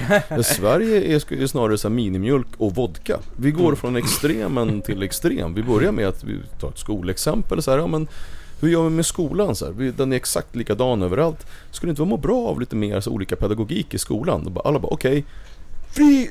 Oh, och sen ser jag helt plötsligt så är Alva, alltså, det är de mest, de mest konstiga, märkliga friskolor med, med så här, Ja vi har friskolor, skolor, ja men vi har friskolor, vi har, friskolor vi har friskolor i Sverige som är alltså styrda av fonder som FN pekat ut till terrorfonder. Alltså vi har, vi har, vi har liksom terrorstämplade fonder som har ensamrätt på att utpeka rektorer på svenska skolor. Och det här tyder på, alltså Sverige är det mest extrema landet som existerar i hela världen. Vi klarar inte av någonting annat än extremism. Och vi älskar också oss själva, vi är chauvinister. Vi är extrema, eh, extrema nationalister utåt. Alltså, vi älskar tanken på en svensk som går ut i världen och med svensk brytning på sin engelska berättar hur världen är. Det är och det spelar ingen roll om det är Olof Palme, eller om det är Greta Thunberg, eller om det är liksom det spelar ingen roll vem, vi älskar den tanken för vi tror att vi är det mest förträffliga landet i hela världen. Och sure, vi är ett bra land. Men vi har självbilden att vi är så himla mycket bättre än alla andra och det det, vi är extremister. För det finns ingenting vi har gjort som inte är extremt. Vår klimatpolitik är extrem, vår migrationspolitik är extrem, vår rättspolitik är extrem, vår drogpolitik är extrem. På alla punkter skiljer sig Sverige ut och vara det extrema landet. Och när man, men när man, tillbaka till din fråga där, den, den, den polit, politiska korrektheten. Det, som, det jag ser som ett problem, det är att när mitt parti absolut inte är undantaget, det är att när någon tycker någonting, eh, och, och här tycker jag man ska liksom nämna saker vid dess rätta namn. Det som har varit känsligast har varit just migrationsfrågan och när det kommer till invandringen. Då har man bestämt sig att så här att, eh, Sverige, vi tar Sverigedemokraterna som ett exempel. Vi, Sverigedemokraterna har alla bestämt att de är rasister. Rasister tycker att det inte ska komma några invandrare. Alltså så måste man tycka att det är bra med hög invandring för att annars så är man ju rasist. Ja. Det är en konsensus, eh, ett konsensusresonemang. Det läbbiga i det här konsensusresonemanget det är också att alla partier de, av dignitet de informerar om hur sakerna ska vara. Och är det då några skrikiga bönder någonstans som säger så nej men alltså vi tycker att det här, vi tar migrationen som exempel. Vi tycker inte att det blev något bra. Vi, det här, vi tycker att man borde ha mindre eh, invandring till exempel. Nu tar vi det som ett exempel. Då informera bara så att, men om du bara hade förstått, hade du bara läst tillräckligt mycket, om du bara hade liksom lä- läst rätt böcker och utbildat dig på korrekt sätt, då hade du också varit folkpartist. Men nu är du en efterbliven bondjävel, så du tänker fel helt enkelt. Ja. Och den klappa på huvudet mentaliteten, den är jätteskadlig. Mm. Istället för att se på vilka, problem som faktiskt är, så gör man någonting annat av det. Och när man då kommer till den här politiska korrektheten, det är när man hela tiden agerar utefter ett idealsamhälle, så som man vill att samhället ska vara. Istället för att så agera utifrån hur det faktiskt är, så berättar man hur det borde vara och sen agerar man som om det var, som om det var så. Och det tror jag är, det är ett stort problem. För där tycker jag att... Eh, jag har ju följt Hanif i flera år och även följt eh, dig när du har eh, stångats i olika medier. Och ni båda två är ju liksom... Ni sticker ju ut eh, när det gäller politik på det sättet. För ni har ju inte det här filtret som eh, det politiska etablissemanget Jag har lite har. filter liksom. vill jag säga. Ja. Ja. Hanif tappas Han är- vid ett par tillfällen. Han, har, han har gått all in. Jag är, mer, ett- jag är mer tappad som barn. ja, det finns ju ett skäl till varför det är er två som sitter man får här. vara på liksom. tå när han är med. Ja. Ja, ja. Nej, för det, det, jag tycker det är kul. Det är förlösande med att man i alla fall... Man måste kunna identifiera ett problem som ett problem. Men alltså det är det- liksom det grundläggande för Men det mig. är också, jag hade, jag utpekas som extrem ibland och kontroversiell. Men jag bara tänker, i något annat land hade jag varit precis som alla andra. Alltså jag hade inte varit alls speciell. Ja, fast du säger Men- fucking ibland. Det är ja, det är också, det är väl det. Jag, det är väl det man hade anmärkt på. Men alltså, bara åsiktsmässigt hade man ju liksom så här, bara en politiker som säger vad han tycker. Mm. Det är ju fan vad extremt tycker man i Sverige. För- Va? Vad håller det, du på för det, med? är det, det är det jag fiskar efter lite grann. Jag vill att folk ska kunna få uttrycka sina grejer och att man är öppen för olika idéer och även liksom så här lite oliktänkande liksom varianter. Att man utmanar idéer och normer. Men här är också, det finns en självuppfyllande profetia här. Nämligen, i Sverige går vi runt och tänker att det är så himla fel att säga sin åsikt. Vi går runt och bara säger oss, bara, säger jag det här så är jag körd. Om jag säger det här så är det körd. Och så går man runt och säger det och till slut bara, nej jag måste säga det. Och så tror man att man kommer vara körd om man säger det. Och så tar man ifrån tårna när man säger det. För att det här är ju sista gången jag kommer få säga det. Och så säger man något riktigt jävla korkat. Och sen så får man ju spöstraff för det. Eh, och sen så bara, ah, ser ni hur det blev? Jag fick inte säga det. Ja, Men här är det så här, om du bara tar det lugnt och sen så inser att om folk kallar dig elaka saker så händer inget i verkligheten. Om, någon, om jag kallar dig för rasist, vet du, ingenting kommer hända med dig. Ingenting händer i den verkliga Ja, fast det är verkligheten. inte sant. det Nej, är men- inte sant. Titta, titta på hur många människor som har fått i stort sett lämna hus och hem för att de har sagt saker som, som inte har upplevts lämpliga under just den tidsåldern. Vi behöver gå tillbaka ett par år. Mm. Så finns det liksom offentliga personer som har, som har haft en position som numera absolut inte har den. Som har blivit fråntagna alltså lön och alltså, som har blivit helt rökta för att de har sagt eh, så kallat fel saker. Alltså, Ja men va, de har ju blivit också, många av dem har ju också blivit fråntagna sina uppdrag för att de runt omkring dem som kan styra över deras uppdrag tror ju att någonting händer när de blir kallade de här elaka orden. Alltså, när jag, Ah. förstår Inget du? händer mig om du Ja, men inget händer dig om någon kallar dig för de här orden. Men om din chef tror att någonting händer dig. Fast jag kan tycka det är jobbigt att någon kallar Jimmy för rasist. Ja, och därför plockar jag bort det i podden. För jag Exakt. vill inte att podden ska få skit. Ja exakt, och Ja, det är den här Och det är det som är- kollektiva rädslan upprätthålls. Och kollektiva men det alla måste, exakt, och, men alla måste inse att om någon kallar dig något elakt så händer, det är, in- besvärjelser finns inte. Vi, det, här, det, det känns som att man lever under medeltiden och man tror på häxor och, och trollkarlar. Nämligen att om någon kallar dig rasist så är det någon form av förbannelse som du måste liksom överkomma. Som du fast måste, och, och det här är det, här är det alla, och det här är ju samma sak. När jag sitter med min partiledning och jag blir kallad, no, jag har blivit anklagad för någonting på, av medier. Så sitter jag där med dem och så säger jag Ja men ni vet ju att det här inte är sant. Och så säger de Ja, ja vi vet att det här inte är sant. Ja men ni vet att jag inte är det här. Ja men det vet vi. Men det är ju jätteproblematiskt att bli kallad för det. Så Ja, nu fast måste vi- vi göra Fast vi någonting. gör en sån här reality check. Vad heter det? Vilket utskott sitter du i? Inga. Inga alls? Okej, är, det, är det ofta så i riksdagen när man Nej. sitter i ett utskott? Nej. Så är du, har du någon annan, annan tyngre position i riksdagen? Nej. Hur länge har du suttit i riksdagen? Jag har suttit i riksdagen i snart tio år. inte det jättelångt för att ändå vara så pass ung som du är?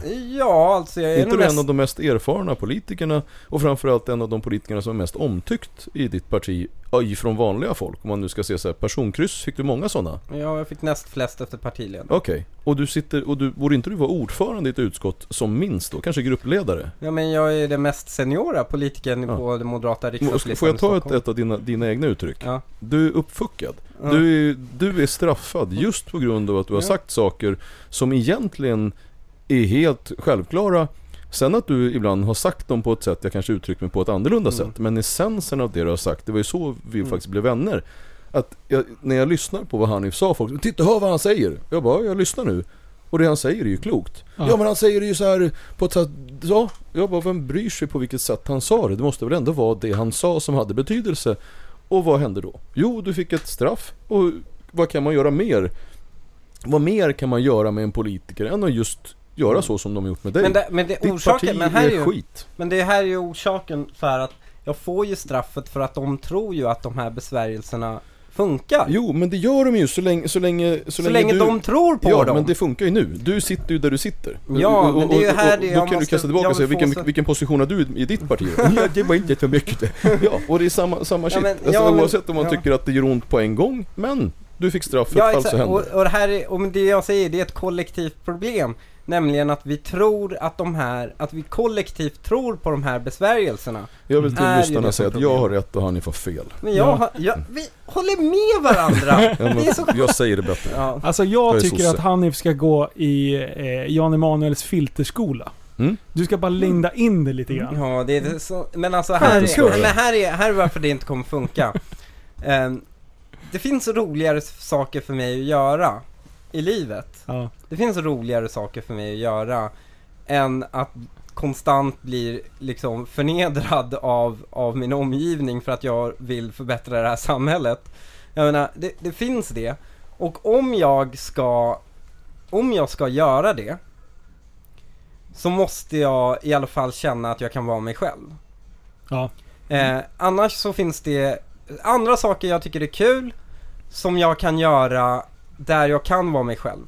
Och därför funkar det inte med filterskola för mig för Nej. att om jag ska lägga på det här tråkiga politikergråa filtret på mig själv så kommer jag vara olycklig. Och kommer jag vara olycklig då kommer, finns det roligare saker att göra eh, än att liksom stå eh, liksom bli, alltså jag kan bara dra det här, jag kan dra ett exempel.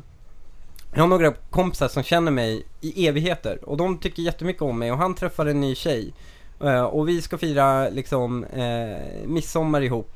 Och, de, och då säger hon så här, ah, men vilka ska ni vara midsommar? Och så, så berättar hon till sin, till sin familj så här, ja ah, men de här är med och han är Bali. Och deras spontana reaktion är ju, hur kan du umgås med det vidret? Alltså, och det här är ju bara konstant i ens vardag. Om man träffar en ny flickvän så är alla hennes kompisar tror ju att man är ett svin.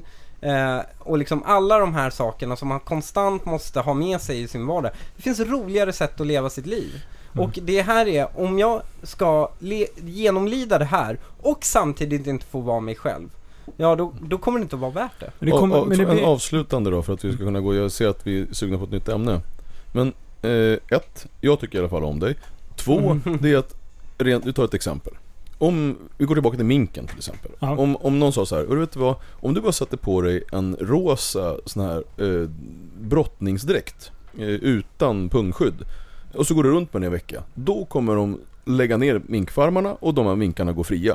Mm. Jag kommer tycka att det är jättejobbigt att gå runt i den här rosa brottardräkten för det, det känns genant och jobbigt. Men jag skulle göra det. På samma sätt så tror jag att kan man nå någonstans genom att sätta på sig en slips och inte svära och på så sätt få till en förändring, då ska man fan göra det. Jag ska få på Hanif en slips och så ska vi få honom att det, svära mindre. det var dit jag tänkte komma. Det blir en jätteförlust att inte ha med dig i politiken på grund av en sån grej. Mm. För att jag tycker att du har gjort väldigt mycket för svensk politik med att ändå eh, ha lyft upp och, och du är ju folklig på det sättet. Sen ibland när du säger saker så sitter man så här. Oh no, he didn't. alltså, du, och, och det är ändå förlösande på något sätt. Det, till skillnad mot, vad är motsatsen då? Det är att stå och inte svara på en enda jävla fråga. Utan att det, blir svammel finns, Nej men det är liksom. klart det finns ett mellanläge. Jan Emanuel har ju helt rätt. Alltså det har ju varit saker jag har sagt och gjort som, som, eh, Oj! som varit onödiga. Men problemet är att jag på förhand inte vet vilka det är. Det här är det som, nej. jag vet på Det är därför förhand. du ska käka ADHD-medicin. Ja, jag vet. Eh, jag vet ju, eh, jag måste fan kolla upp det där. Eh, alltså det är ju, det, det, det, det är ju tjejens drivande tes också mot mig, att jag har högfunktionerande ADHD liksom. Men, det, men det är här jag, ja men det är här jag, problemet är, jag är ofiltrerad och då säger jag massa saker folk tycker är rimliga och vettiga och, och så. Men, Men ibland så är jag ofiltrerad och säger saker som folk bara, det där kunde du inte sagt. Ja. Nej men det är det, du är, så, du är ju, och nu, nu låter det som en sån här bro-ram, romance som håller på att gå överstyr Men alltså du är ju ex, du är intellektuellt vig Du är ju ro, du är extremt rolig att prata med, du är ju vaken i skallen så att det, det är jättekul Du är på tårna Men sen, liksom. men, jo, men du, Äsch, ja, den du är här verkligen på gamla tårna trasan! Men sen så säger du ibland, som, som så här, vi skulle ta ett så här dagsfärskt exempel Jag drar på CP-safari Nej! Säg inte CP-safari, säg inte alltså, Säg man gör- miljöpartist Ja, men- bara. ja, Exakt, om du, om du tycker någon är så här riktigt ful och dum i huvudet, säg han är miljöpartist. Stämmer överens, jättebra. Men och det är de Ni här får grejerna som censurera bort den Ja, delen, men det, ni får lägga det, på det, det. det är de sakerna som gör att folk slutar lyssna mitt i, de bara shit vilken snubbe och sen bara vad sa han? Där kommer de, bara, de kommer bara höra CP-safari istället för den, alltså, den konklusionen som du faktiskt kommer fram till Våra Därav- lyssnare är ja. ganska härdade. Ja, De- men det, det här kommer Expressen plocka upp. Nej! Nej, Nej då. nej. Ja. Men du, det här med diagnoser är ju kul. Nej, Alltså- jag, ställde, jag ställde hans diagnos efter ungefär 22 sekunder när vi satt och käkade första gången Ja, Men eh, känner du, eh, ha- har du, har du planer på att kolla upp det eller? Nej men jag ty- tycker att det är högfunktionerande så jag vet inte. Det är inte ett problem. Men eh, jag vet, man kanske borde, man kanske borde. Men du, då kolla. sitter vi ganska bra här. För du och jag är lite på samma sida. Jag har, jag har kollat upp med min husläkare liksom. Så här, du, behöver jag kolla upp det? Han bara, men tycker du att det är ett problem? Jag bara, ah, problemet är att jag aldrig kan stänga av skallen. Utan det snurrar idéer hela, hela, hela tiden. Vilket gör att jag håller på att bli galen ibland. Men sen, ja då blir det ju så här. Då startar man klädmärken, man startar det och man driver ICA-butik. Man, allt håller man på med samtidigt liksom. Så jävla Samtidigt-. Ja. Samtidigt så, jag älskar ju den sidan hos mig. Så att jag, och då frågar han det, ja, men tycker du att det är ett problem? Skulle du vilja typ medicinera bort det? Absolut inte. Nej men varför ska du ens kolla upp det då? Men medan du Jimmy, du har ju en, en fullständig diagnos. Mm. Och du blev ju liksom, du blev ju ganska hjälpt utav det i början. Mm. Eh, men nu käkar du inte medicin va? Nej, jag fick medicin i början Mm, och eh, jag tyckte att det var bra. mm. Och då i och med att jag fick en diagnos så, då kan jag läsa på lite mer om det, jag vet vad det handlar om, hur det fungerar och så. Och det har hjälpt mig mer än Du medicinen. har fått nycklar. jag har fått nycklar. Ja, jag är så sjukt balanserad på grund av de här nycklarna. Tyngdtäcke och, Och- och- extra energin, det använder jag till idéer till podden, vi gör mycket musik, roliga idéer och så här och det händer grejer. Och, Men för mig var det gymmandet. Mm. Ja, Alltså är jag har, jag har, eh, jag har faktiskt lugnat ner mig avsevärt i, i eh, på många plattformar och kunnat ja, vara mer eh, liksom, äh, men den här striden behöver jag inte ta. Tidigare så attackerade jag ju på allt. Eh, och för mig var det, ja men att gå och liksom lyfta lite skrot, det hjälpte som Visst fan. är det bra? Ja, det hjälper som fan. Alltså om jag vilar två, tre veckor, jag blir, jag blir som en, eh, Mm. ja jag blir som en dynamit. Jag tror man kan till och med typ följa mitt Twitterkonto live och se om jag har gymmat eller inte. Liksom. Är jag extra gnällig då, då, då, har jag inte, då har jag inte lyft tillräckligt mycket. Men jag ser att ni har tränat ihop ibland. Mm. Tränar ni mycket eller, eller bara... Nej men vi kör ihop ibland och Mm. det, det är kul. Alltså, Ja. en, en bra sak med träning det är att är du ledsen? Ja, du kan gå och träna. Är, är, har, du, har du kaos i livet så kan jag garantera att det kommer inte bli sämre av att du går och tränar. Är du glad? Ja, så kan du bli mer glad av att träna. Så det finns alltid en, en anledning att gå och träna istället för att gå... så- Många tänker så jag mår så dåligt, jag tar en bärs. Ja, Ja. men jättedålig idé. Ja. Jag mår dåligt, ja men gå och träna. Mm. Eh, när det gäller våran träning så det... Ja, bara det är en trivsam grej och samtidigt som... det är sjukt som socialt Socialt, so, socialt och, och bra. Man gör en bra Jag, sak trän, jag, samtidigt. fan, jag, jag, har blivit så här. jag har omgivit, alltså just träningen har gett mig massor av nya vänner också. Eh, så det har gett också, eh, jag, jag tränar nästan aldrig ensam längre, för det finns alltid någon som vill träna med en. Mm. Och det blir liksom, det blir ett jäkla skönt sätt att umgås med någon också. Det är ju underbart. Mm. Det, så det- har jag också dragit som tips till podden många gånger. Börja träna. För det, och i början, det är jobbigt att ta sig in på ett gym om man aldrig har varit på ett gym förut. Alla ser ju ut som att de vet vad de pysslar med och grejer. Ställ er på ett gåband i närheten så ni ser maskinparken. Titta på hur folk gör. Det är det bästa sättet att liksom få ett grepp om hur, hur man ska börja. Och sen, våga gå fram och fråga. Är det någon, jag menar, skulle Janne vara ute och, och, och gymma, då skulle jag, och han kör någon övning som jag inte har sett förut. Då skulle jag gå fram och bara du, hur, hur gör du den här? Hur, vad ska jag tänka på? Vad ska jag inte tänka på? Eh, så man kan verkligen bygga broar på, på gym. Så att- Ja, verkligen. men för de som inte har varit på ett gym, till exempel Andreas Liv.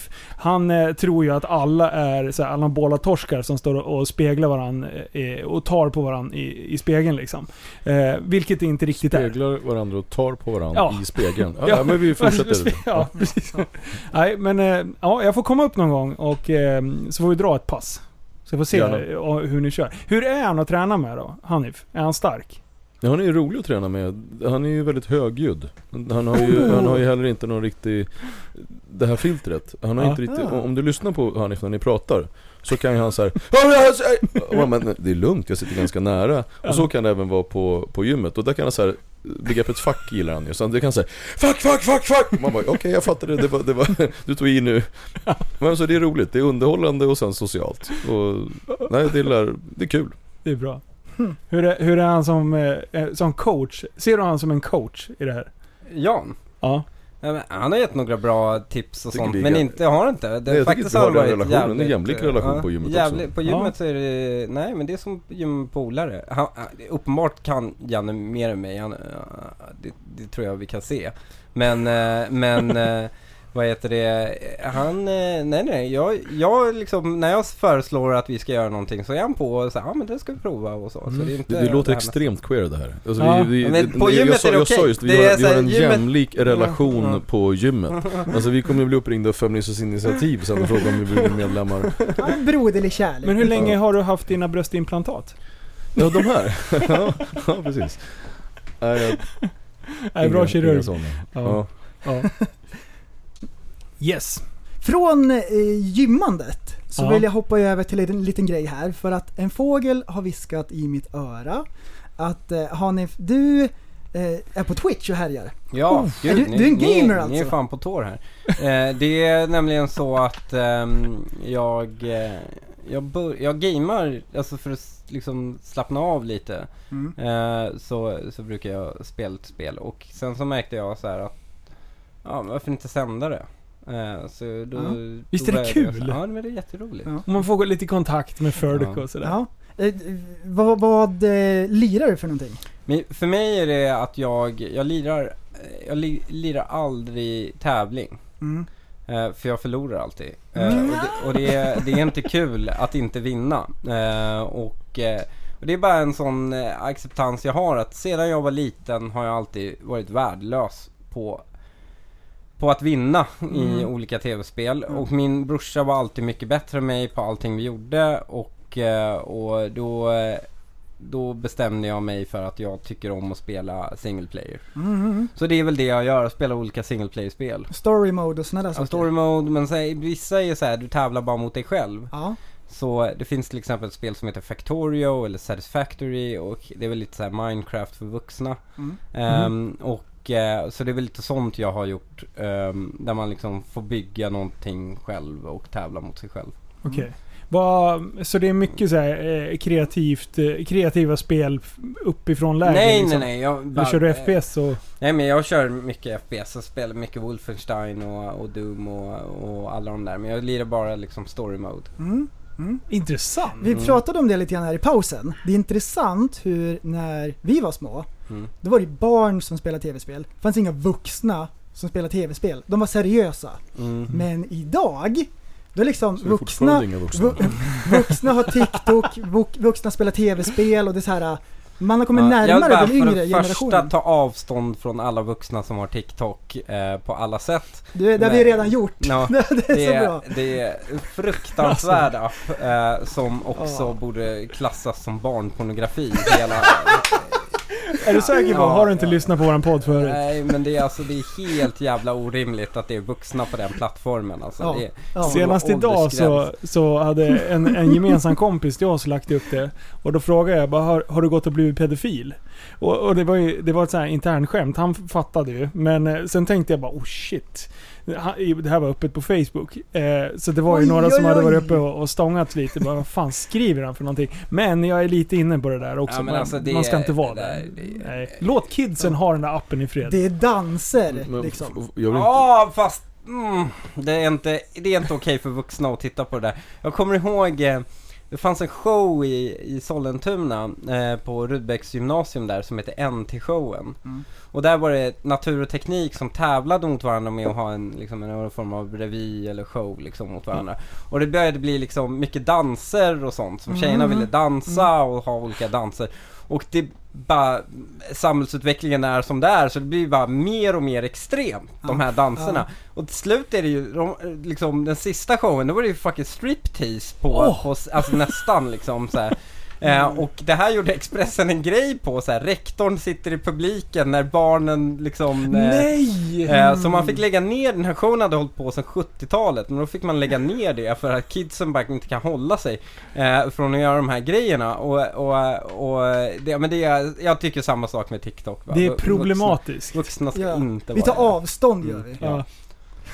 Men Alltså- ni är helt säkra på att vuxna ska spela tv-spel? Ja, ja, Ja. gud ja. För att, för du, du, du, någonting har hänt sen, alltså, sen Sonic och det är att eh, tv-spelen har blivit, alltså manusförfattare har flyttat in och det är liksom, vissa av de här spelen är, är alltså mogna kulturformer. Ehm, och, och det Så, kan man du, du sa precis att de här tv-spelen är mogna kulturformer.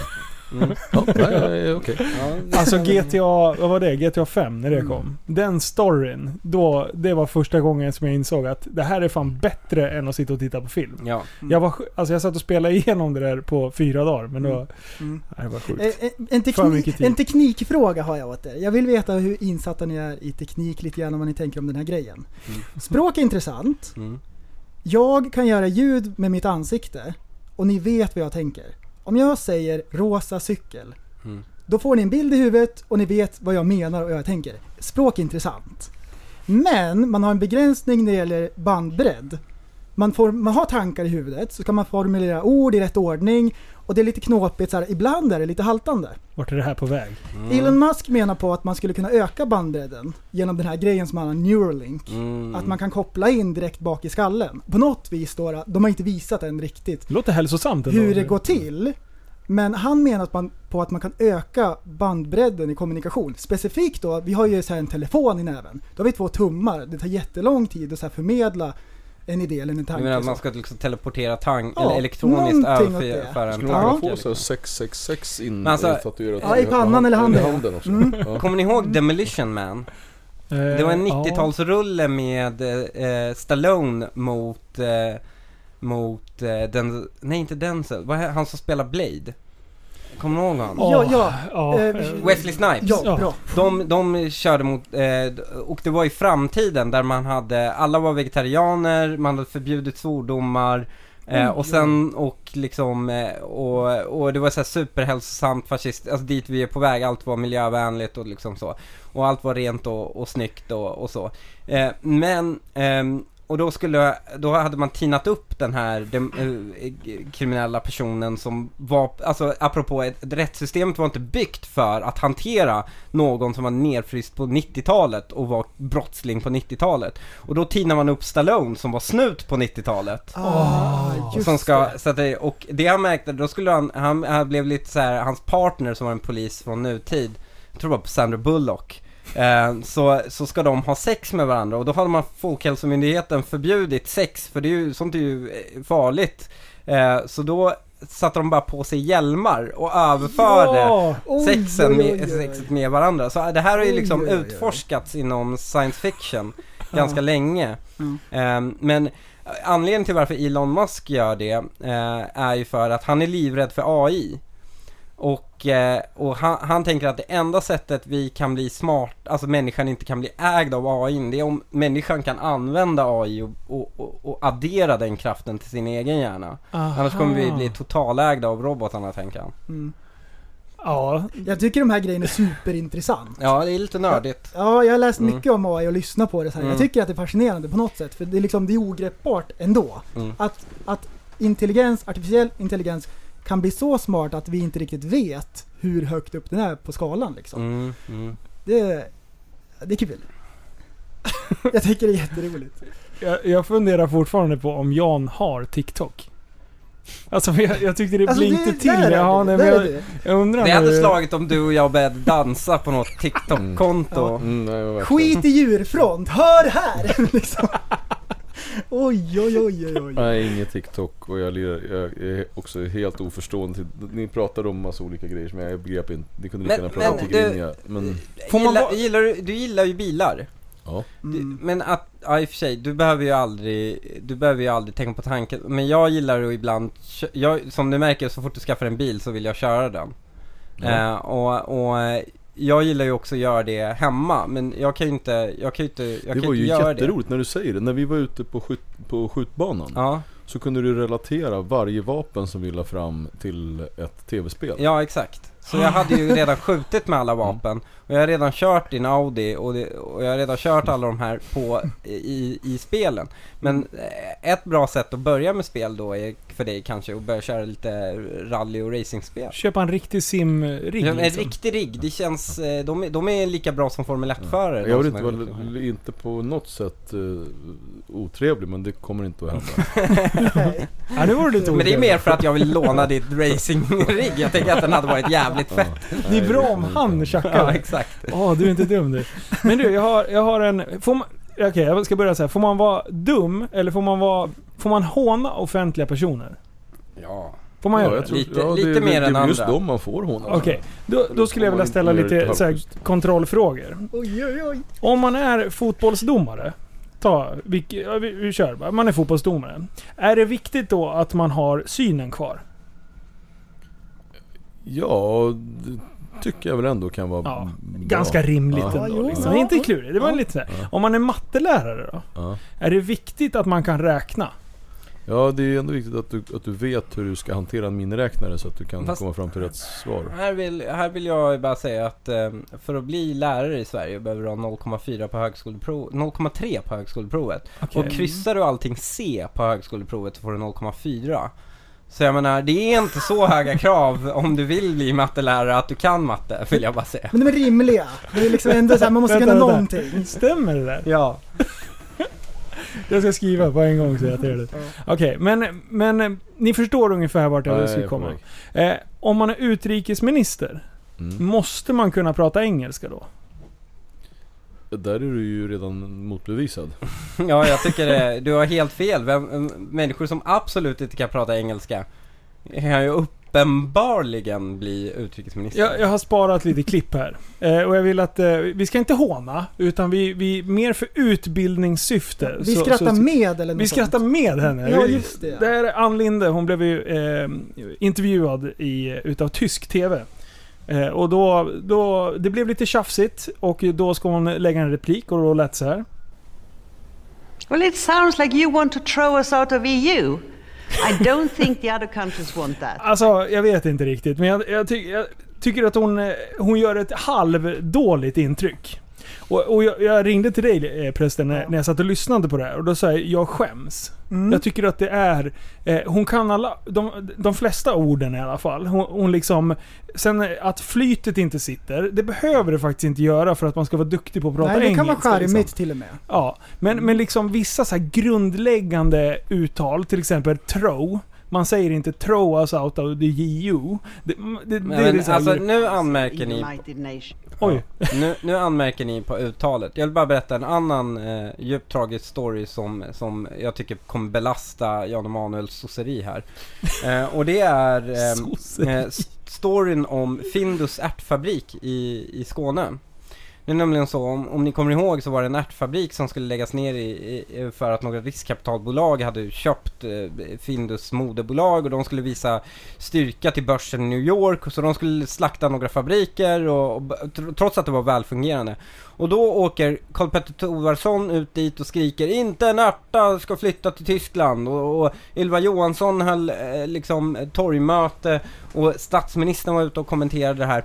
Och då var det en kille som satt i ledningsgruppen för, och hade jobbat med Findus tidigare och visste att det här var en välfungerande grej. Så han eh, försöker få till ett möte med den här riskkapitalisten som eh, hade sitt kontor i London. Han försöker gå in framvägen, han bara, den här snubben har inte tid för sådana här små saker. Men han liksom lyckas via kontakter och allting bara fixa ett möte. Så svenska regeringen kan träffa honom och övertala honom, lägg inte ner det här, det här är en fungerande verksamhet. Och det hade funkat. Han säger att det fanns väldigt goda förutsättningar att få det här att funka. Men då väljer man inte att skicka arbetsmarknadsministern eller till och med statsministern eller, eller, eller någon som är tung. Utan då skickar regeringen landsbygdsminister Sven-Erik Bucht. Och eh, det kan ju liksom, eh, det kan ju funka, han är ju fortfarande minister. Problemet är att Sven-Erik Bucht har regeringen till då lagt 300 000 kronor för att gå engelska kurser och han har fortfarande, i vid två olika tillfällen, och fortfarande inte lärt sig engelska. Så han dyker upp på det här mötet i London för den här riskkapitalisten och kan inte prata ett enda ord engelska. Och den här riskkapitalisten eh, som liksom driver hur många bolag som helst bara vad fan är det som händer? Jag kan inte ens prata med mig. Alltså de, de liksom kunde inte ens kommunicera. Körde han teckenspråk? Nej, men de kunde inte ens eh, kommunicera Oj, oj. och det hela skiten bara, ja men slutar med att de lägger ner fabriken. För att de kunde inte prata med varandra. Så nej, man behöver inte kunna engelska för någonting, verkar det som. Nej. För, för frågan är ju då alltså, eh, vaccin. Eh, vad heter vaccin på engelska prästen? Vaccin. Är det samma? Jajamän. Är det sant? Så man behöver liksom inte lägga till någon annan touch eller någonting? Nej, det är bara rakt av. Okej, vi lyssnar här. every day. And we had a very, very close Nordic cooperation, managed to get everybody back home. We are also, of course, keeping that cooperation Hey, now. Uh, During the weekend, I had long talks with both my Norwegian and my uh, Danish colleague, and I also have contact with my Finnish colleague. And for example, we are now hoping that everybody will vote for Norway tomorrow, so Tomorrow. they get a seat in the council, a Security Council in United Nations. But one In United Nations, varför inte varför? Okej, här kommer... Här, nu, jag har råkat sätta igång fel. Här kommer... United Nations, the vaccine program, because we The think vaccine! global Det här är någon som lägger på en fake- globally. Ja, ja, ja. Vi- Alltså försöker lägga på en fake dialekt. Alltså, det är jättebra. Det här är faktiskt... Det här är YouTube Gold. Åh, gud. Känner jag lite. Jag, jag har tittat på den intervjun, men jag klarade faktiskt, alltså det här är helt ärligt, jag klarade bara att se en minut i taget. För jag blev bara så här, dog skamdöden. Jag var inne på Migrationsverkets hemsida åtta gånger och bara höll på att fylla i blanketten och säga upp mitt medborgarskap. För jag bara skämdes så himla mycket. Jag bara, nej, det är... Ja det var en good run här, det är bara att flytta tillbaka till Iran med mig. Det, jag klarar inte av det här. Nej, jag, tycker inte, alltså jag tycker faktiskt inte att, att just det språkliga, man, man förstår ju vad hon menar. Ja, Säger ja, hon absolut. vaccines, hon, hon, hon, hon menar nog vaccins. Ja, Ja. Men det jag tycker är, är jobbigt, det är ju anslaget. Alltså hur en, en minister som ändå ska representera ett land, apropå hur man också företräder ett land och hur man då tilltalar den här eh, journalisten Ja. och vilken approach man har. Mm. Och, och när man är så extremt inte ödmjuk inför situationen. Alltså vi, vi sitter ju i en situation där man kanske inte... eh, Jag hoppas ju och tror fortfarande på att det här kan på slutet bli bra och våra, dö, dö- våra dödstal kommer liksom neutraliseras utifrån Ja. de vi kan jämföra oss med, Danmark, Norge och så vidare. Men när man är där vi är, att, och då komma med, den, med det här anslaget och verkligen Ja. så här, klappa den här reportern på huvudet och med någon tanke om att anfall är bästa försvar i den här situationen. Det blev ju så, alltså jag Ja. sitter ju fortfarande och är sosseröd i ansiktet för att det, var, det, var, det, blev så, det blev så otroligt fel. Alltså, ja. Alltså, Nej, det, det, är en just, sorglig just så här, grej, i, liksom. i hela den här coronagrejen så har ju Sverige valt en liten annan linje minst sagt. Eh, och, och, och om det är rätt eller fel, det är som du säger, det kan vi utvärdera Men- långt efteråt. Ja, men, men observera vad hon gör hela intervjun. Nu är tesen alltså, förut var satt vi och klappade oss på ryggen och sa vi har valt en annan linje, vi är så mycket bättre än alla andra, ni andra är bara populister och dumma i huvudet. ja. Och så här, det kan vara att Sverige har rätt. Men nu går hon alltså ut och säger Vi avviker inte alls från andra Nej. länder, vi är precis som alla länder. Nej det där är bara fake news på något sätt att vi avviker. Vi, vi är alla, vi försöker testning och spårning precis som alla andra länder. Precis, det, det var ju, det var ju hel, och sen hela approachen med att eh, just det där att man inte är ödmjuk och säger ja men vi vet inte. Ja, men här, Men vi, det- vi tror på Men det här. vad liksom. Sverige fick se, vad Sverige fick se i den här intervjun är den, var hur omland, alltså våra omländer eh, runt omkring oss och, och omvärlden, hur de verkligen ser oss. Vi tror oss att vi är ett land som alla ser upp till och avgudar och så. Men hur resten av världen ser ut. De Mm. ser oss som skrikiga gaphalsar, helt övertygade av vår egen förträfflighet och alla andra bara har fel och vi är de enda som sitter på den ultimata sanningen. Det var så många, alltså det var flera ambassadörer som jag har kontakt med som hörde av sig till mig efter den här intervjun och bara jag hoppas att ni nu ser hur vi känner av er. Hur vi, när vi har kontakt med era myndigheter. Hur de har, hur, hur vi, hur, vilken arrogans och med vilken liksom självförhärligande liksom förträfflighet man kommunicerar med oss. Jag sa ju tidigare, tidigare att ett problem med Sverige Det är att vi Gärna agerar utifrån så som vi vill att det ska vara istället för så som det faktiskt är. Mm. Jag tycker att den här intervjun Vår statsminister gick ut sen och sa, uh, försvarade henne och, och sa att hon är en mycket kompetent minister och hon försvarade Sverige. Mm. Ja, och då försöker man tänka sig, vad, vad är det han menar när han säger så? Det läbbiga är att det hon försvarar, det är egentligen bilden av så som vi vill att människor ska uppfatta oss. Mm. Det vill säga att det man står upp emot, eller står upp för, det är en uppmålad bild, inte av hur det faktiskt är, utan hur man vill bli uppfattad. Mm. Och det är det som är det läskiga i svensk politik. När till och med våra ministrar inte längre liksom kämpar för det verkliga, utan kämpar för bilden över hur man önskar att det egentligen ska vara. Oj, vad ska och folk hon, säga? Och hon var, gjorde verkligen det. Och hon fick också beröm av vår statsminister. Inte för att hon sa som det var, inte för att hon gjorde det bra, utan för att hon åtminstone stod upp för den falserade bilden av vårt land. Mm. Och det är läbbigt. Men eh, den här hel... Det har ju blivit två läger. Om vi tar Folkhälsomyndigheten och eh, specifikt eh, Anders Tegnell. Eh, han har ju verkligen bildat sig en, en fanclub på ena sidan och sen har han ju kritiker på andra sidan. Eh, va- vart, hur känner ni om ni ser på honom?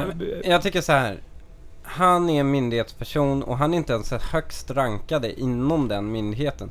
Det tyder på så svagt politiskt ledarskap att det är någon second grade tjänsteman som har varit frontpersonen när landet går igenom en kris.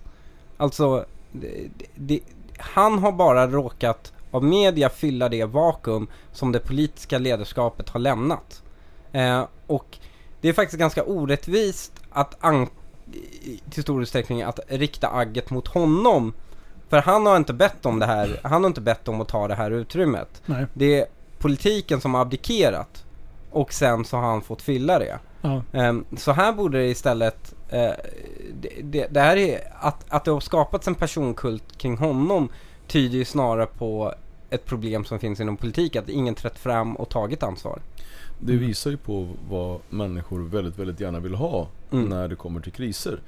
Alla vill att det ska finnas någon människa som pallar vara lite auktoritär och säga men okej, nu tar vi det här steget. Det är så här Ja. vi ska göra. Mm. Man såg ju till när statsministern gjorde det han är faktiskt ganska bra på. Han, han läste från, från en platta eller protokoll någonting. Så läste han det och han läste det hyfsat lugnt och inte haka sig så mycket. Ja. Men det var att han pratade ändå till folket. Ja. Men som han var inne på så är det ju obehagligt nästan att vi inte har den ledningen som faktiskt kan peka med handen när det faktiskt behövs. Utan man alla tar så här om det går åt pipan nu, då kan ju de säga Jaha, nej men det var ju, det var ju Tegnell och det var tjänstemän och de, de, jag fick ju den här informationen att och så vidare.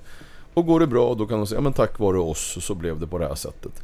Men ett, ett mer tappat politiskt ledarskap, det tror jag man, när man skriver om den här tiden historiskt, när vi kommer Mm. gå tillbaka och se hur gjorde vi, hur funkade det här?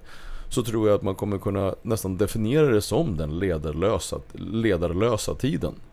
Precis, det är lite min bild också. Med att det bara, det får bli lite som det blir. Eh, det är ingen som har vågat gått in och satt ner dojorna. Utan det är så här, ja men okej, nu vill vi att folk ska hålla sig hemma. Hur ska vi göra? Ska vi förbjuda dem? Äh, vi lägger en rekommendation. För det är så jävla luddigt.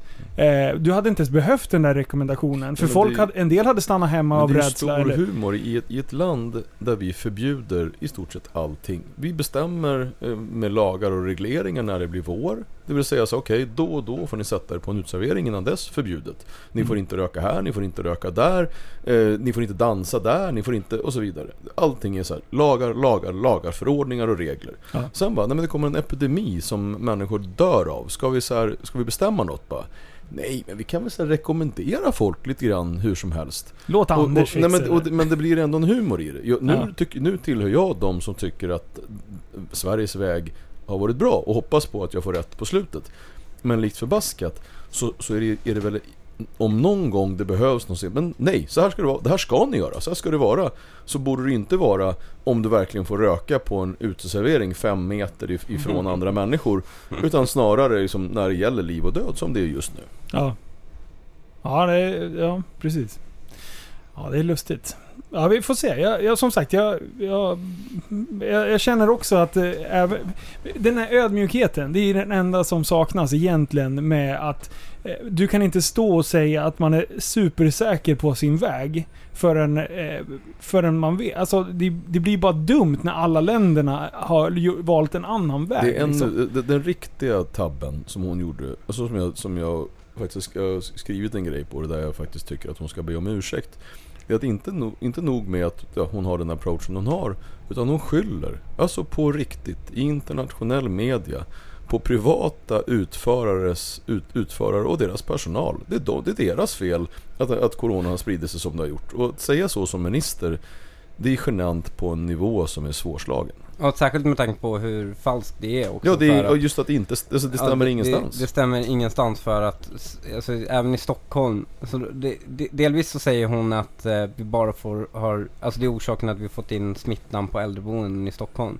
Och det stämmer inte. Av landets, vad är det, 290 kommuner så är det 232 eller något som har fått in smittan på sina äldreboenden. Och därutöver så hittar man snarare en överrepresentation av kommunala boenden Än än, av, privata. än privata. Inte jättemycket, Mm, men lite. Nej men lite. Och eh, bara det går ju, det, det är bara, ja men det du säger är helt falskt och du skyller ifrån dig.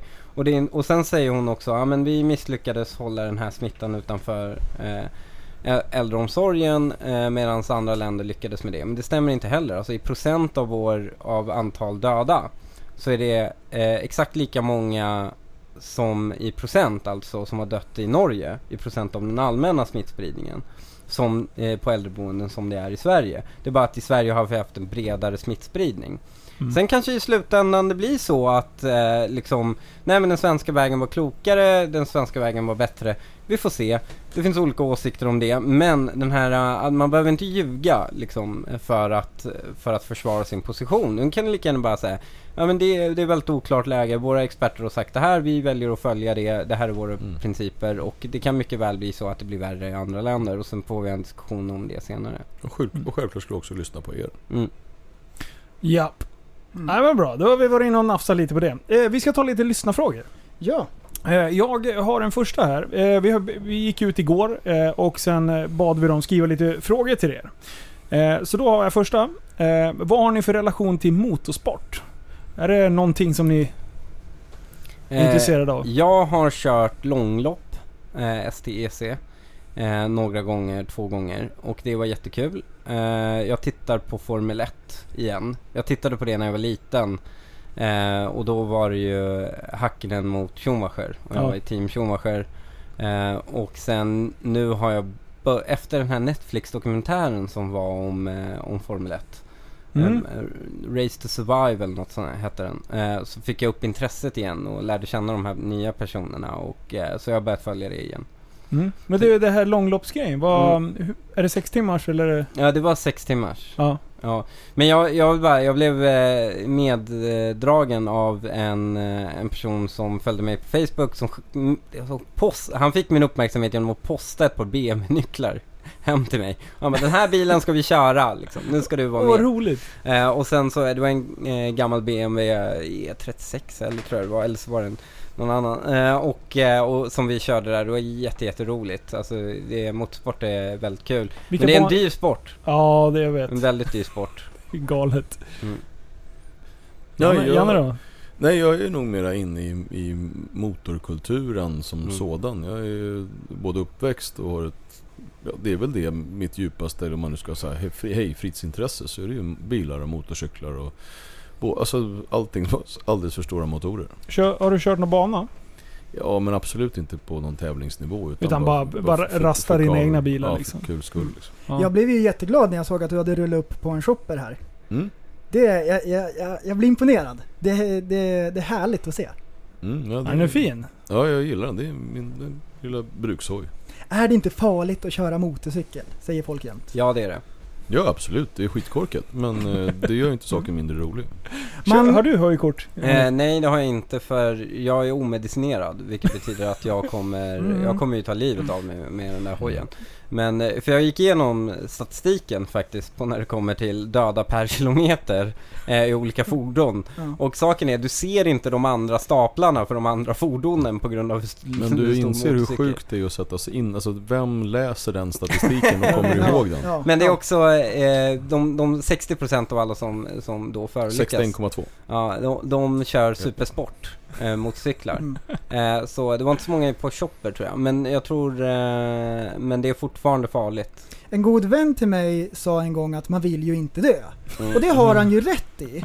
Men samtidigt så är det inte bra om man lever men ändå inte lever. Men jag tror eh, det är Ja. klokt att vara lite äldre väl när man börjar köra. Alltså det är väldigt Mm. många som får 40-tals, liksom 40-årskris och börjar ta motorcykel. Det är väldigt, väldigt, väldigt klokt tror jag. För att då är du lite nog mognare. Ja, vi har Jag sett tror- dem ute och vingla i trafiken. Ja, tju- 40-åringarna. Ja men 20-åringar som kör motorcykel, de är ju, ja men vi är ju väldigt tacksamma för alla organdonationer såklart som de bidrar med till samhället. Men, eh, Oj, oj, oj. men eh, det, är- det, är- det är inte så många som, eh, ja det är väldigt hög risk med det. Ja, och där. därför kör man motard. Då går det inte lika fort. Då, döm, då, då kör man inte ihjäl sig.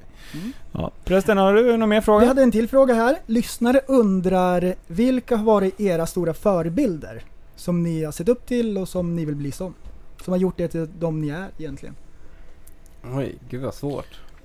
Alltså, jag, har, jag har ju några klassiska politiska förebilder. En har vi nämnt. Göran Persson är en, en förebild.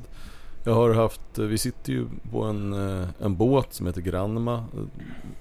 Originalbåten snodde ju Fidel Castro och Che Guevara i, i Mexiko och, och gjorde revolution på Kuba. Che Guevara är en, en av mina förebilder. Palme såklart.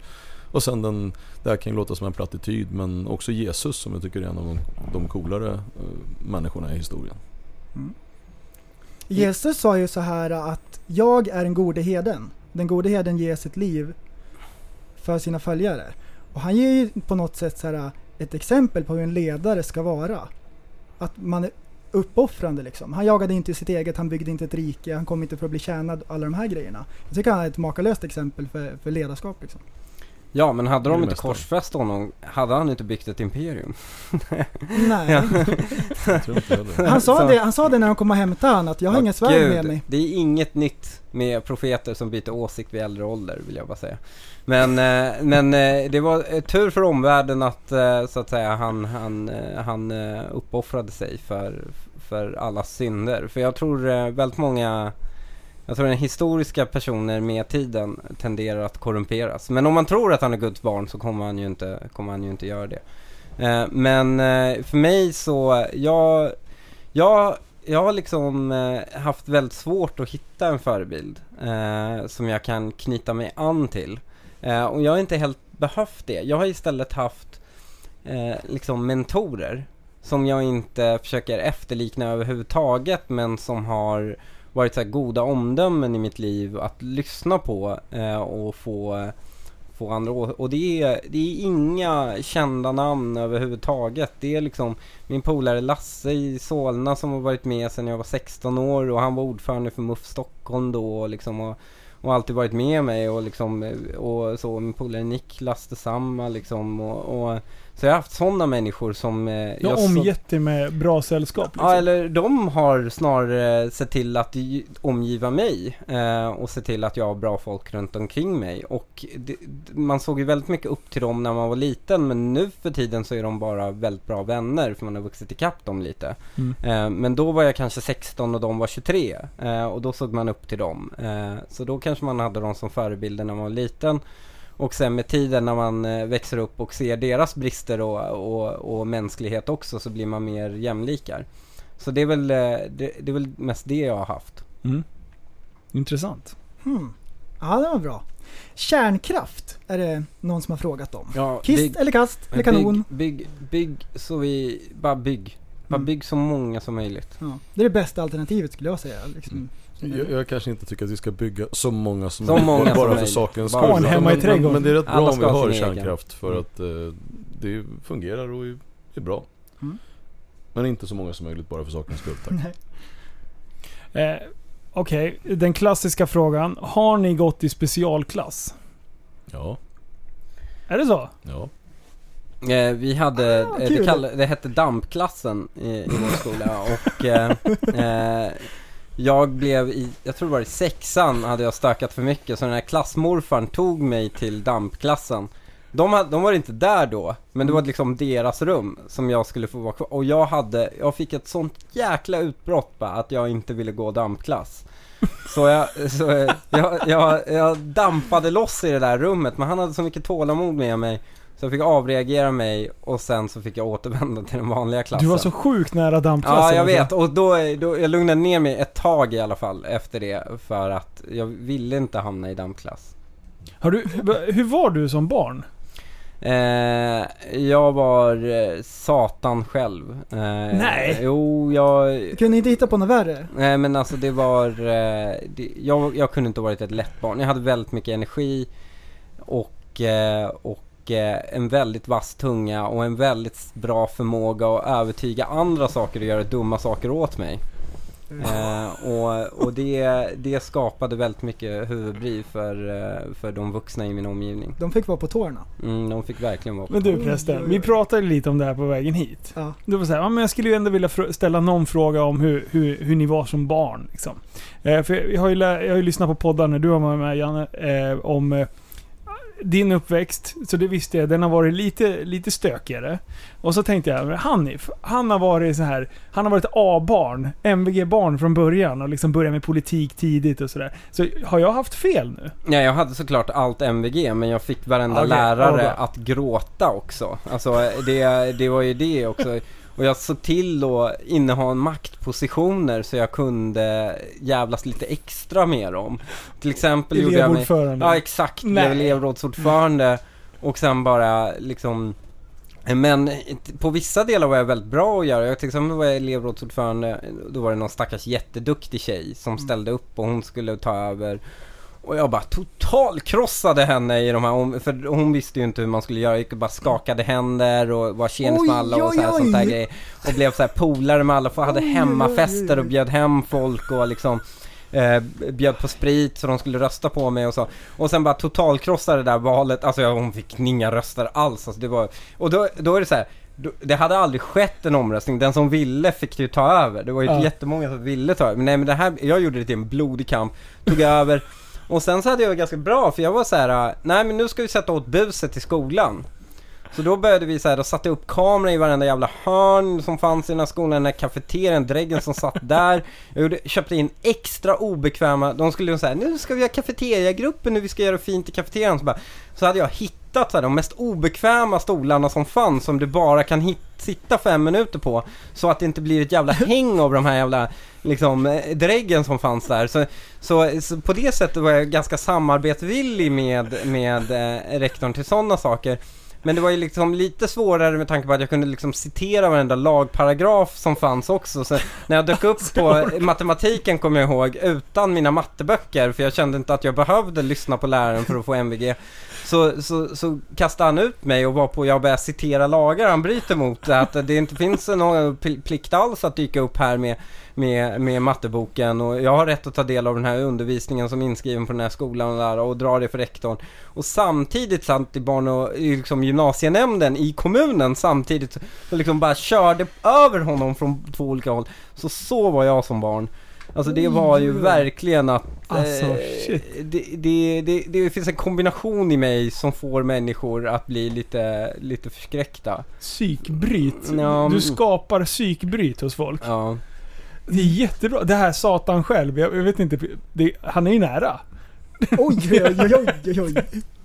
Nej men jättekul att höra båda er två har liksom varit lite sådär i skolan. Jag gick ju i specialklass. Jag var ute och studsade boll i korridoren för att läraren skickade ut mig. Jag fick leka av mig ute i korridoren liksom för det var så mycket Tänk om du hade varit polare med Han, Hanif då. Då Oj, hade du kunnat citera... Du, jag hade gaddat ihop oss. para- Ja. Ja. Men så vi brukar ge mycket kärlek till specialarna där ute. Mm. Eh, Jan, hur, hur, eh, hur var din specialklass? Det här är Nej, jätteroligt. De hade en genialisk idé om att de tog alla ifrån sjuan, åttan och nian som, hade, som de uppfattade hade en, någon form av psykosocial problematik som inte klarade skolan. Och så stopp, stoppade de in dem och det var ju ungefär som att flytta in den, dåtidens rökruta i, i eh, ett rum. Och det är klart att jag, så jag gick i sjuan då och var jätte, jätteglad för mina kompisar gick, eller de kompisarna jag hängde med, de gick i nian och då var ju de struliga snubbarna. Så för mig var det ju en, ur ett socialt perspektiv jättetrevligt att de då stoppade oss i samma klass. Du byggde din egna klass kan man säga. Nej jag byggde ingenting. Jag blev, så jag blev placerad i, i den, 21 hette den. Och så som sagt de tog alla från sjuan, åttan. Jag tror vi var tre från sjuan och så var ett gäng från åttan och så de flesta var från nian. Men det var ju då folk som inte tyckte, eller så här snarare, som inte var så bra på att gå i skolan. Jag skulle säga att det är ett problem med våra skolväsende. Att du bör, det är en sak som du bör vara bra på. Att gå i skolan. Och det var jag. Jag var helt enkelt jävligt, jag var dålig på att gå i skolan. Ja. Mer, eh, alltså intressemässigt eller eh, liksom läsa och skriva delen? Alltså jag var, jag var nog, alltså jag kunde läsa eh, helt okej, det var inga problem. Jag hade, jag hade någonting som heter dyskalkyli och det, det, det tog ju en stund innan man kom fram till vad det var. Och det betyder ju att du har jävligt svårt att få siffrorna att hänga ihop. Alltså de Ah, studsar okej. och bökar. Dyslexi fast med siffror? Ja, exakt. Eh, Okej. Mm. Aldrig hört. ordet. Nej, det var, det var väl sådär. Men alltså det mesta var ju bara, man måste, mådde väl inget vidare. Det var, det en jävligt, det var en dålig tid av livet. Mm. Men, eh, du, för du hamnade i lite problematik sen. Det var, du var lite stökig eh, utanför skolan sen också eller? Ja men det var en dålig tid. Alltså jag gjorde de- felen man kunde göra, de gjorde jag och det är ingenting jag... Ja, det var, gick åt pipsvängen helt enkelt. Ja. Och sen hämta, hämtade du hem det och sen blev du politiker och grejer. Ja. Det är ju ballt ju. Vilken resa. Ja. Så det, alltså kan man säga till folk som säger att ja, jag har problematik i skolan. Ja, absolut. Men ge för fan inte upp. För det går ju att ändra.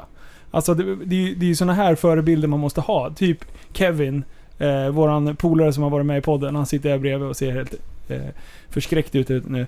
Men eh, han är ju ett sånt exempel som har varit en riktig jävla skitunge från början. Sprungit på området där jag hade butik och Ja, till slut fick jag ju liksom kontakt med honom och, och speciellt min farsa. Eh, sen har ju han, han varit fantastisk och nu driver han företag och, och liksom kör hela den biten och är, eh, Jag ska inte säga att han är vettig, för då tar jag i. Men han är halvvettig. Och det, det är också så här, det, det är ju bra exempel på att man faktiskt kan kriga igenom om man bara bestämmer sig för. Men här är ju också, eh, apropå eh, när vi är inne i specialklasser. Nu har man ju typ avskaffat alla de här och jag tror det också är en oklok idé. För vad som sker är ju att en lärare som knappt har tid med de här 30 andra ungarna ska hantera en unge som, som uppenbarligen av, av, av flera skäl inte mår bra av eller inte klarar av att vara i den här klassen. Eh, och det stör ju såklart alla andra elever också. Eh, och då att när man samlar ihop alla i en, i en annan klass, det är ju väldigt skönt för de andra eleverna såklart. Men då kanske man inte bara ska bedriva samma undervisning bara i den klassen. Utan då kanske man ska tänka, men de här klarar inte av det av någon orsak. Hur kan man hjälpa, hur kan man göra någonting annat för de här barnen så att de känner ett intresse av att vara i skolan och så. Eh, och det, det vi, vi har liksom, återigen går vi den extrema vägen. Antingen kör vi extremt så alla ska vara utblandade i alla klasser och behandlas exakt likadana eller ska vi bara separera ut alla totalt och, och inte ge några chanser till dem överhuvudtaget? Det kanske finns en vettig mellanväg där. liksom. Den vettiga mellanvägen är ju att, att om, det, om det finns ett gäng ligister på en skola så är det en jättedålig idé att stoppa dem i samma rum för att då smittar de av sig på varandra. Mm. Men däremot så, de andra eleverna, de som faktiskt är helt vanliga ungar som ska lära sig saker, de ska inte behöva stå ut med ligister i klassrummet. Någon som skriker eller någon som mår dåligt, oavsett varför han skriker så ska han inte vara i klassrummet för han stör de andra. Men det är där man måste komma fram till att skolan måste få kosta. Den här individen som skriker och gapar måste få den hjälp som han behöver och där måste det först och främst vara kortare tider på BUP så att de kan få snabbare utredningar, snabbare få medicin men också få den uppmärksamheten av en annan lärare eller assistent eller vad det nu är som sitter med just den eleven. Och då kan man tycka att men det är ju jättedyrt att ha en, en lärare på en elev. Ja, men det är väldigt, väldigt mycket billigare att få lära ungar att sitta i skolan än att lära gamla folk att bete sig på kåken. Ja, det är liksom de jag- två olika Och, defin- och redan i skolan går den vinsten ihop vågar jag påstå. För att i Sverige har alltså, Sverige har en av världens högsta lärartätheter.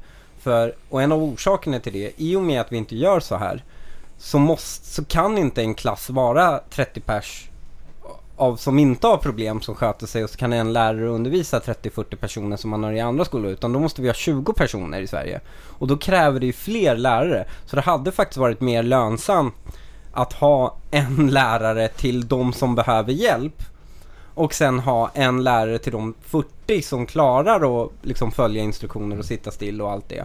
Eh, det hade varit mer lönsamt än att göra som idag, nämligen att smeta ut det på allt och därför och sen uppa lärartätheten som man gör. Ja. Så, så den här medelvägen tror jag är definitivt både lönsam på kort sikt och på lång sikt som Janne säger. Vad ni tänker grabbar. Det är Ja. jättebra. Det är jätteroligt. Det är någon som har skrivit in och eh, inte kan så mycket om politik, men är lite intresserad. Och undrar då över, för ni har ju gått vägen och har lärt er eftersom, och undrar då nybörjartips. Hur kommer man in lite grann och bli lite insatt i politik? Um, börja läsa mycket media. Börja läsa människor som kritiserar den median du läser. Mm. Och sen är du halvvägs där. Det är ju, det är liksom, det var, var, och sen bara försök ta ställning i de olika frågorna som finns. Mm. Och sen ifrågasätt varför du tar den ställningen. Mm. Eh, så, så det politik handlar om, det är att se samhällsproblem, det är att se samhällsproblem komma och sen uttrycka en åsikt om vad man vill göra åt det. Och titta, alltså det är väldigt sällan politiker sitter och kommer upp väldigt finurliga lösningar själva utan lyssna på människor runt omkring dig med kloka idéer och sen använd din egen erfarenhet för att göra dem bättre. Eh, och, sen, och, och, det är så samhället drivs framåt. Det är inte att folk får revolutionerande idéer utan att man tar goda idéer och gör dem lite bättre ett steg i taget. Hmm, den var bra. Den är bra. Nej, jag skulle säga att om det här är en individ som sitter och tänker att jag skulle vilja bli politiker, för det verkar vara fräscht, eh, och göra karriär, då tycker jag att han ska strunta i det och, och bli rörmokare eller någonting, mera, någonting bättre. Däremot om det är en individ som kanske upplevt och ser saker i samhället som han vill göra någonting åt. Att han, han ser orättvisor, han ser ett system som inte fungerar och vill agera mot den problematiken.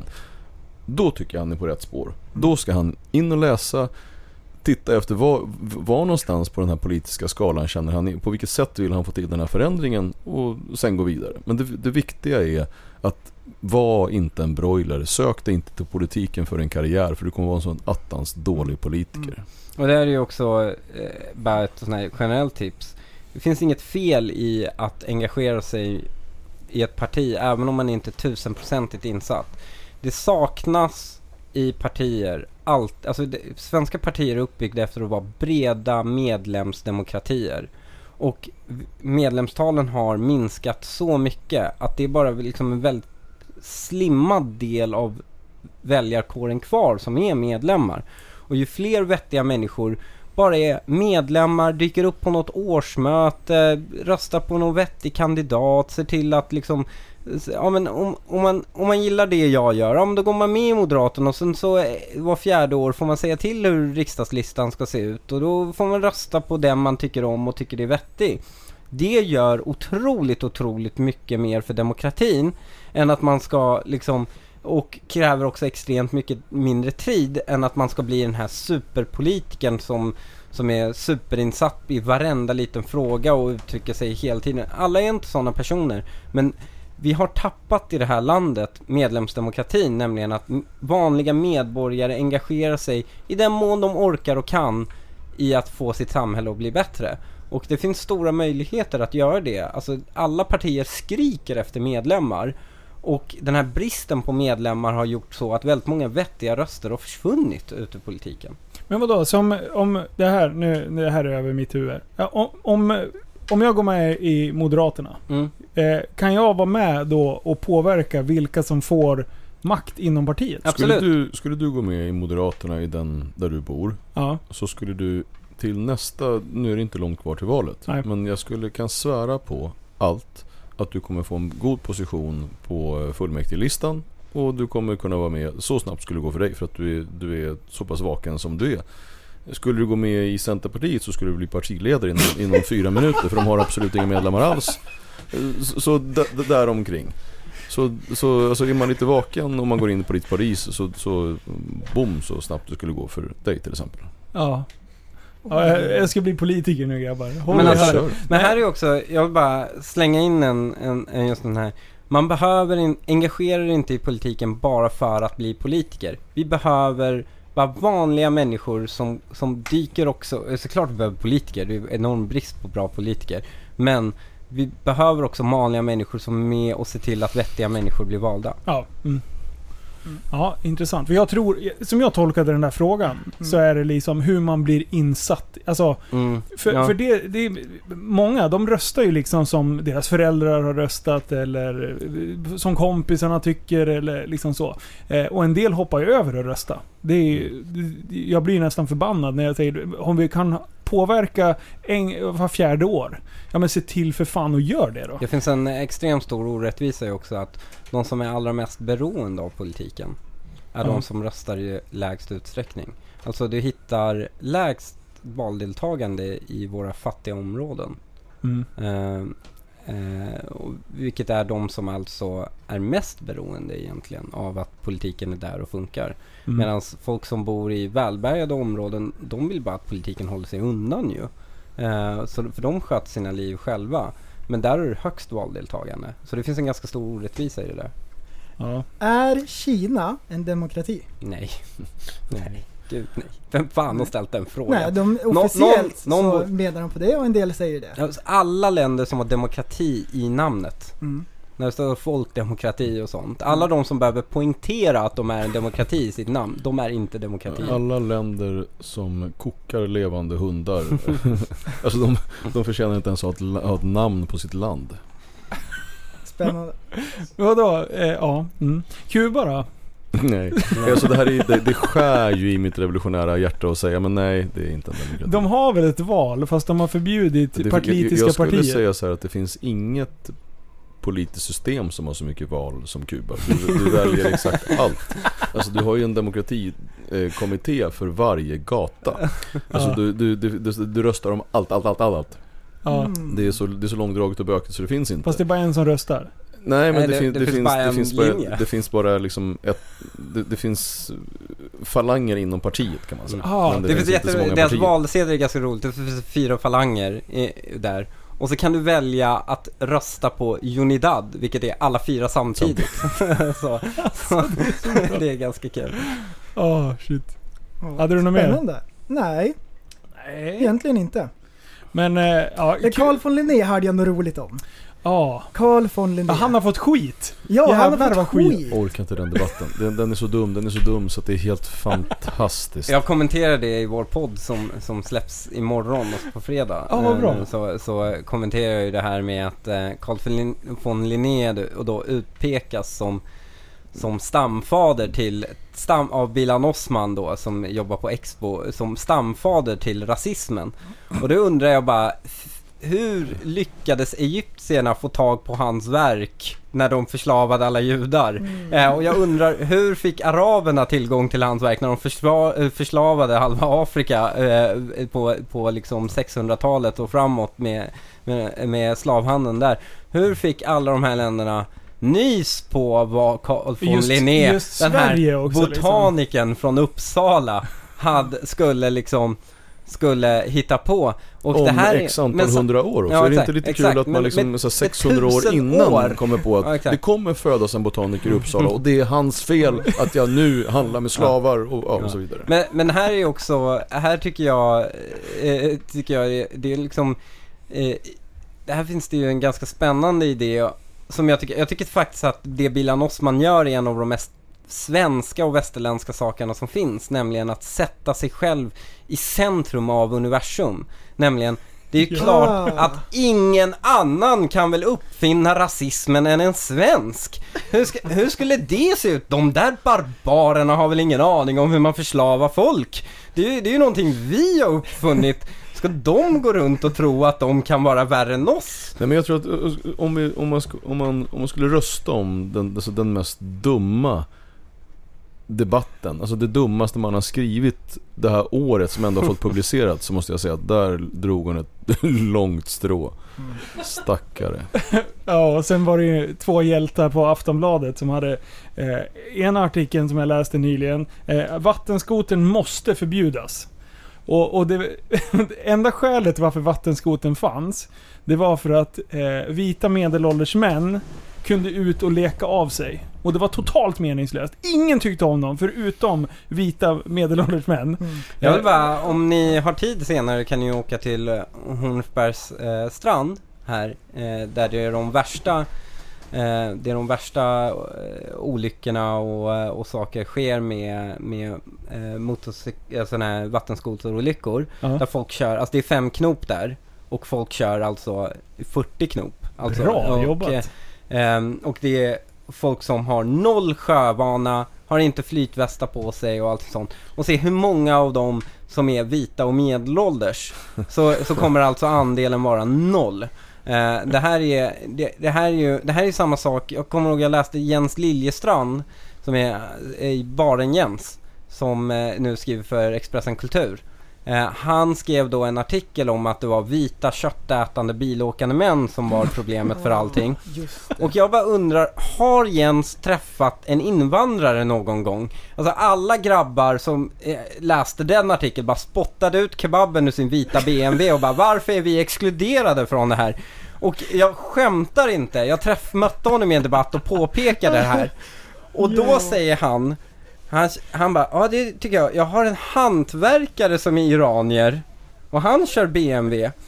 Och det var alltså den här människans relation då till invandrare. Det var att hans hantverkare var iranier. Alltså vilket överklassperspektiv man har liksom. Och det äh, här är det roliga. Hela den storyn är ju fake. All, det finns inga iranska hantverkare. Alla är tandläkare. Det där är bara ren jävla lögn. Det finns inga iran... Det jag lovar, skulle vi gå till SCB, det finns det en... en Det, det finns två stycken stora problematik, alltså stora problem i just det här. Det ena tog du upp och det är det här att det här extrema överperspektivet när man liksom tittar ner på alla andra ifrån sin vänsterposition. Bara, ja, det är de där köttätande männen. Ja, du menar de som bär det här samhället på, på sina axlar. De som går och jobbar till skillnad från dig, din kulturmupp. Alltså att det, att det bara, att, att det är okej att säga så. De där vita medelålders männen som man säger, medelålders, vita medelålders män. Som att det är så smutsigt att vara en vit medelålders man. Alltså, hur kan det, hur, när blev det så? Ja, det är jättemärkligt. Jag, jag, Jag tror bara som säger så här, finns det något annat moment i vårt samhälle där det är okej att basha någon för dess kön, dess hudfärg och dess ålder. Det finns inget annat moment att göra det. Det är prick, prick, prick på Ja, alla verkligen. diskrimineringspunkter Ja. liksom. Eh, Men, men av någon anledning så är det super, super trendigt för de här människorna som själva är vita medelålders och oftast män att göra det. Någon Men- form av avancerat självhat här. Och jag vill bara förtydliga mig för att annars kommer folk säga men sa han just att det bara var de vita eh, medelåldersmännen som bär samhället? Nej, det jag syftade på, de som man ofta spottar efter, det är de, de människorna som bor ute på landet, de här som vi pratar om som har ett motorintresse, Mm. eh, de som alltså, de där som inte har, de som vi borde bilda så att de förstår hur de egentligen ska tycka. Mm. Det är de personerna som faktiskt är vardagshjältar. De som går och jobbar, håller käften och bär upp landet. Ja. Eh, och de behöver inte vara vita och medelålders som män, det finns i alla varianter. Men man ska vara väldigt nogsam med att vara tacksam istället för hånfull mot eh, liksom, de som faktiskt ja, jobbar och, och gör rätt för sig. Precis. Mm. Åh, Ja. intressant. Jag läste någon annan idag. Det var någon som skulle förbjuda pooler hemma också. Ja, Lena Melin var det. Ja, ja jävlar vad arg hon var. Det, var- Hon det skulle förbjuda pooler, vilket var väldigt roligt för det var annons för poolbyggande i Aftonbladet exakt under det. Så här, till en pool! så, det, så det är väldigt intressant. eh, Undrar om de var nöjda med den Nej, reklamplatsen. h- hennes grej var ju att vi har brist på vatten i Sverige och det är helt orimligt att, att man får fylla en pool eh, för det. Eh, vilket är, alltså folk fyller inte sina pooler på platser det är vattenbrist. Men alltså det finns gott om delar i Sverige alltså, som har vatten. Alltså vi är väldigt sjö, alltså vi är en av de länderna i världen med flest sjöar liksom. Det finns, det finns gott om vatten det i finns många vatten. delar. Ja. Eh, och, eh, ja, men det, det där, att gå, ge sig på pool, det är fan nära till hjärtat. Vi hade pool. ja. Eh, och jag var den enda som var vaken eller inte vaken men som lyssnade på när vi köpte vårt hus. Eh, alltså när, jag hade pool när jag växte upp då. Som, Ja. för, för föräldrar köpte en, ganska, liksom en liten villa i, i Väsby. Och då var den enda som hängde med när han drog hur man ska ta hand om den här poolen och då fick det bli mitt ansvar. Oh. Så jag är familjens pool guy.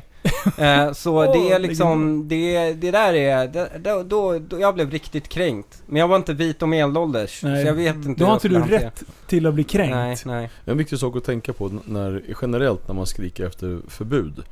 Som nu den här, vem det nu var som skrek efter förbud på vattenskoter till exempel. Mm. Så kan jag ju bara informera om att det är inte vattenskoterns fel att det finns idioter. Nej. Så ja, bara så att, mm, bra, bra att tänka på. Mm. Ja. Ja, bra. Är det de orden som liksom ska få avrunda det här spektaklet? Ja, Jag har hållit på i två timmar och en kvart. oj oj. Är Alltså, jättebra. och ni har varit på tårna hela tiden. Ja, jag har varit på tå. Jag Ja, på verkligen. tå. Jag har varit på Jag tårna har varit hela skitnöjd. vägen Ja, ja, på tårna. Och eh, självklart så måste vi ju eh, tala om för våra lyssnare vart ni kan hitta er. Och Jan Emanuel, du heter Jan Emanuels på Instagram. Ja, Har du någon annan plattform dit du vill att folk kan sö- söka det upp dig? socialdemokratiska arbetarpartiet. Nej jag skojar. Nej inte där.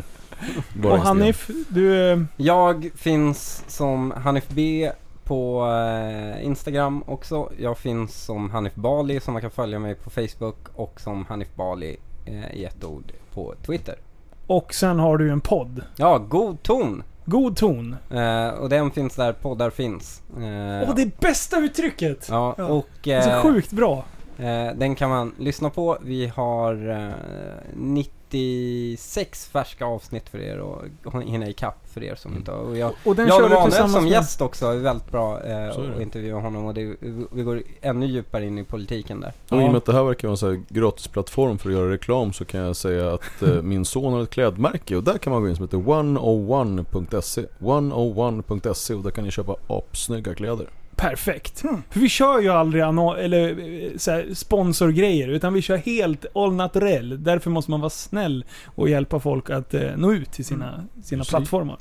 Och vi Men- får tacka jättemycket. Ja, tack som fan. Jag tycker att det har varit jätteintressant att få sätta mig ner och prata med er.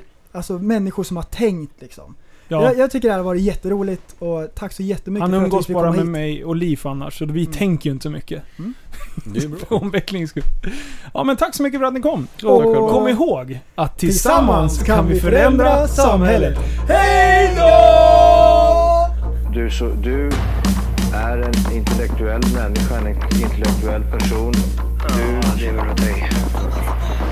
Kallar mig galen och sjuk i mitt huvud och stördes i staden. Men du, jag är van vid Tibet där fikar om dagen. Och svaret är att jag har blivit tappad som barn. Ja, Du borde backa bak, jag kan bli tagen av stunden och av allvaret. Och då skyller jag på den här känslan i magen och ställer mig naken. För jag har blivit tappad som barn ja. Tappad som barn. Tappad som barn. Tappad som, tappad som, tappad som, tappad som barn. Tappad som barn. Tappad som barn. Tappad som, tappad som, tappad som, tappad som barn. Ja, du kan bli förbannad ibland och irrationell. Det, det, det vet jag. Irrationell.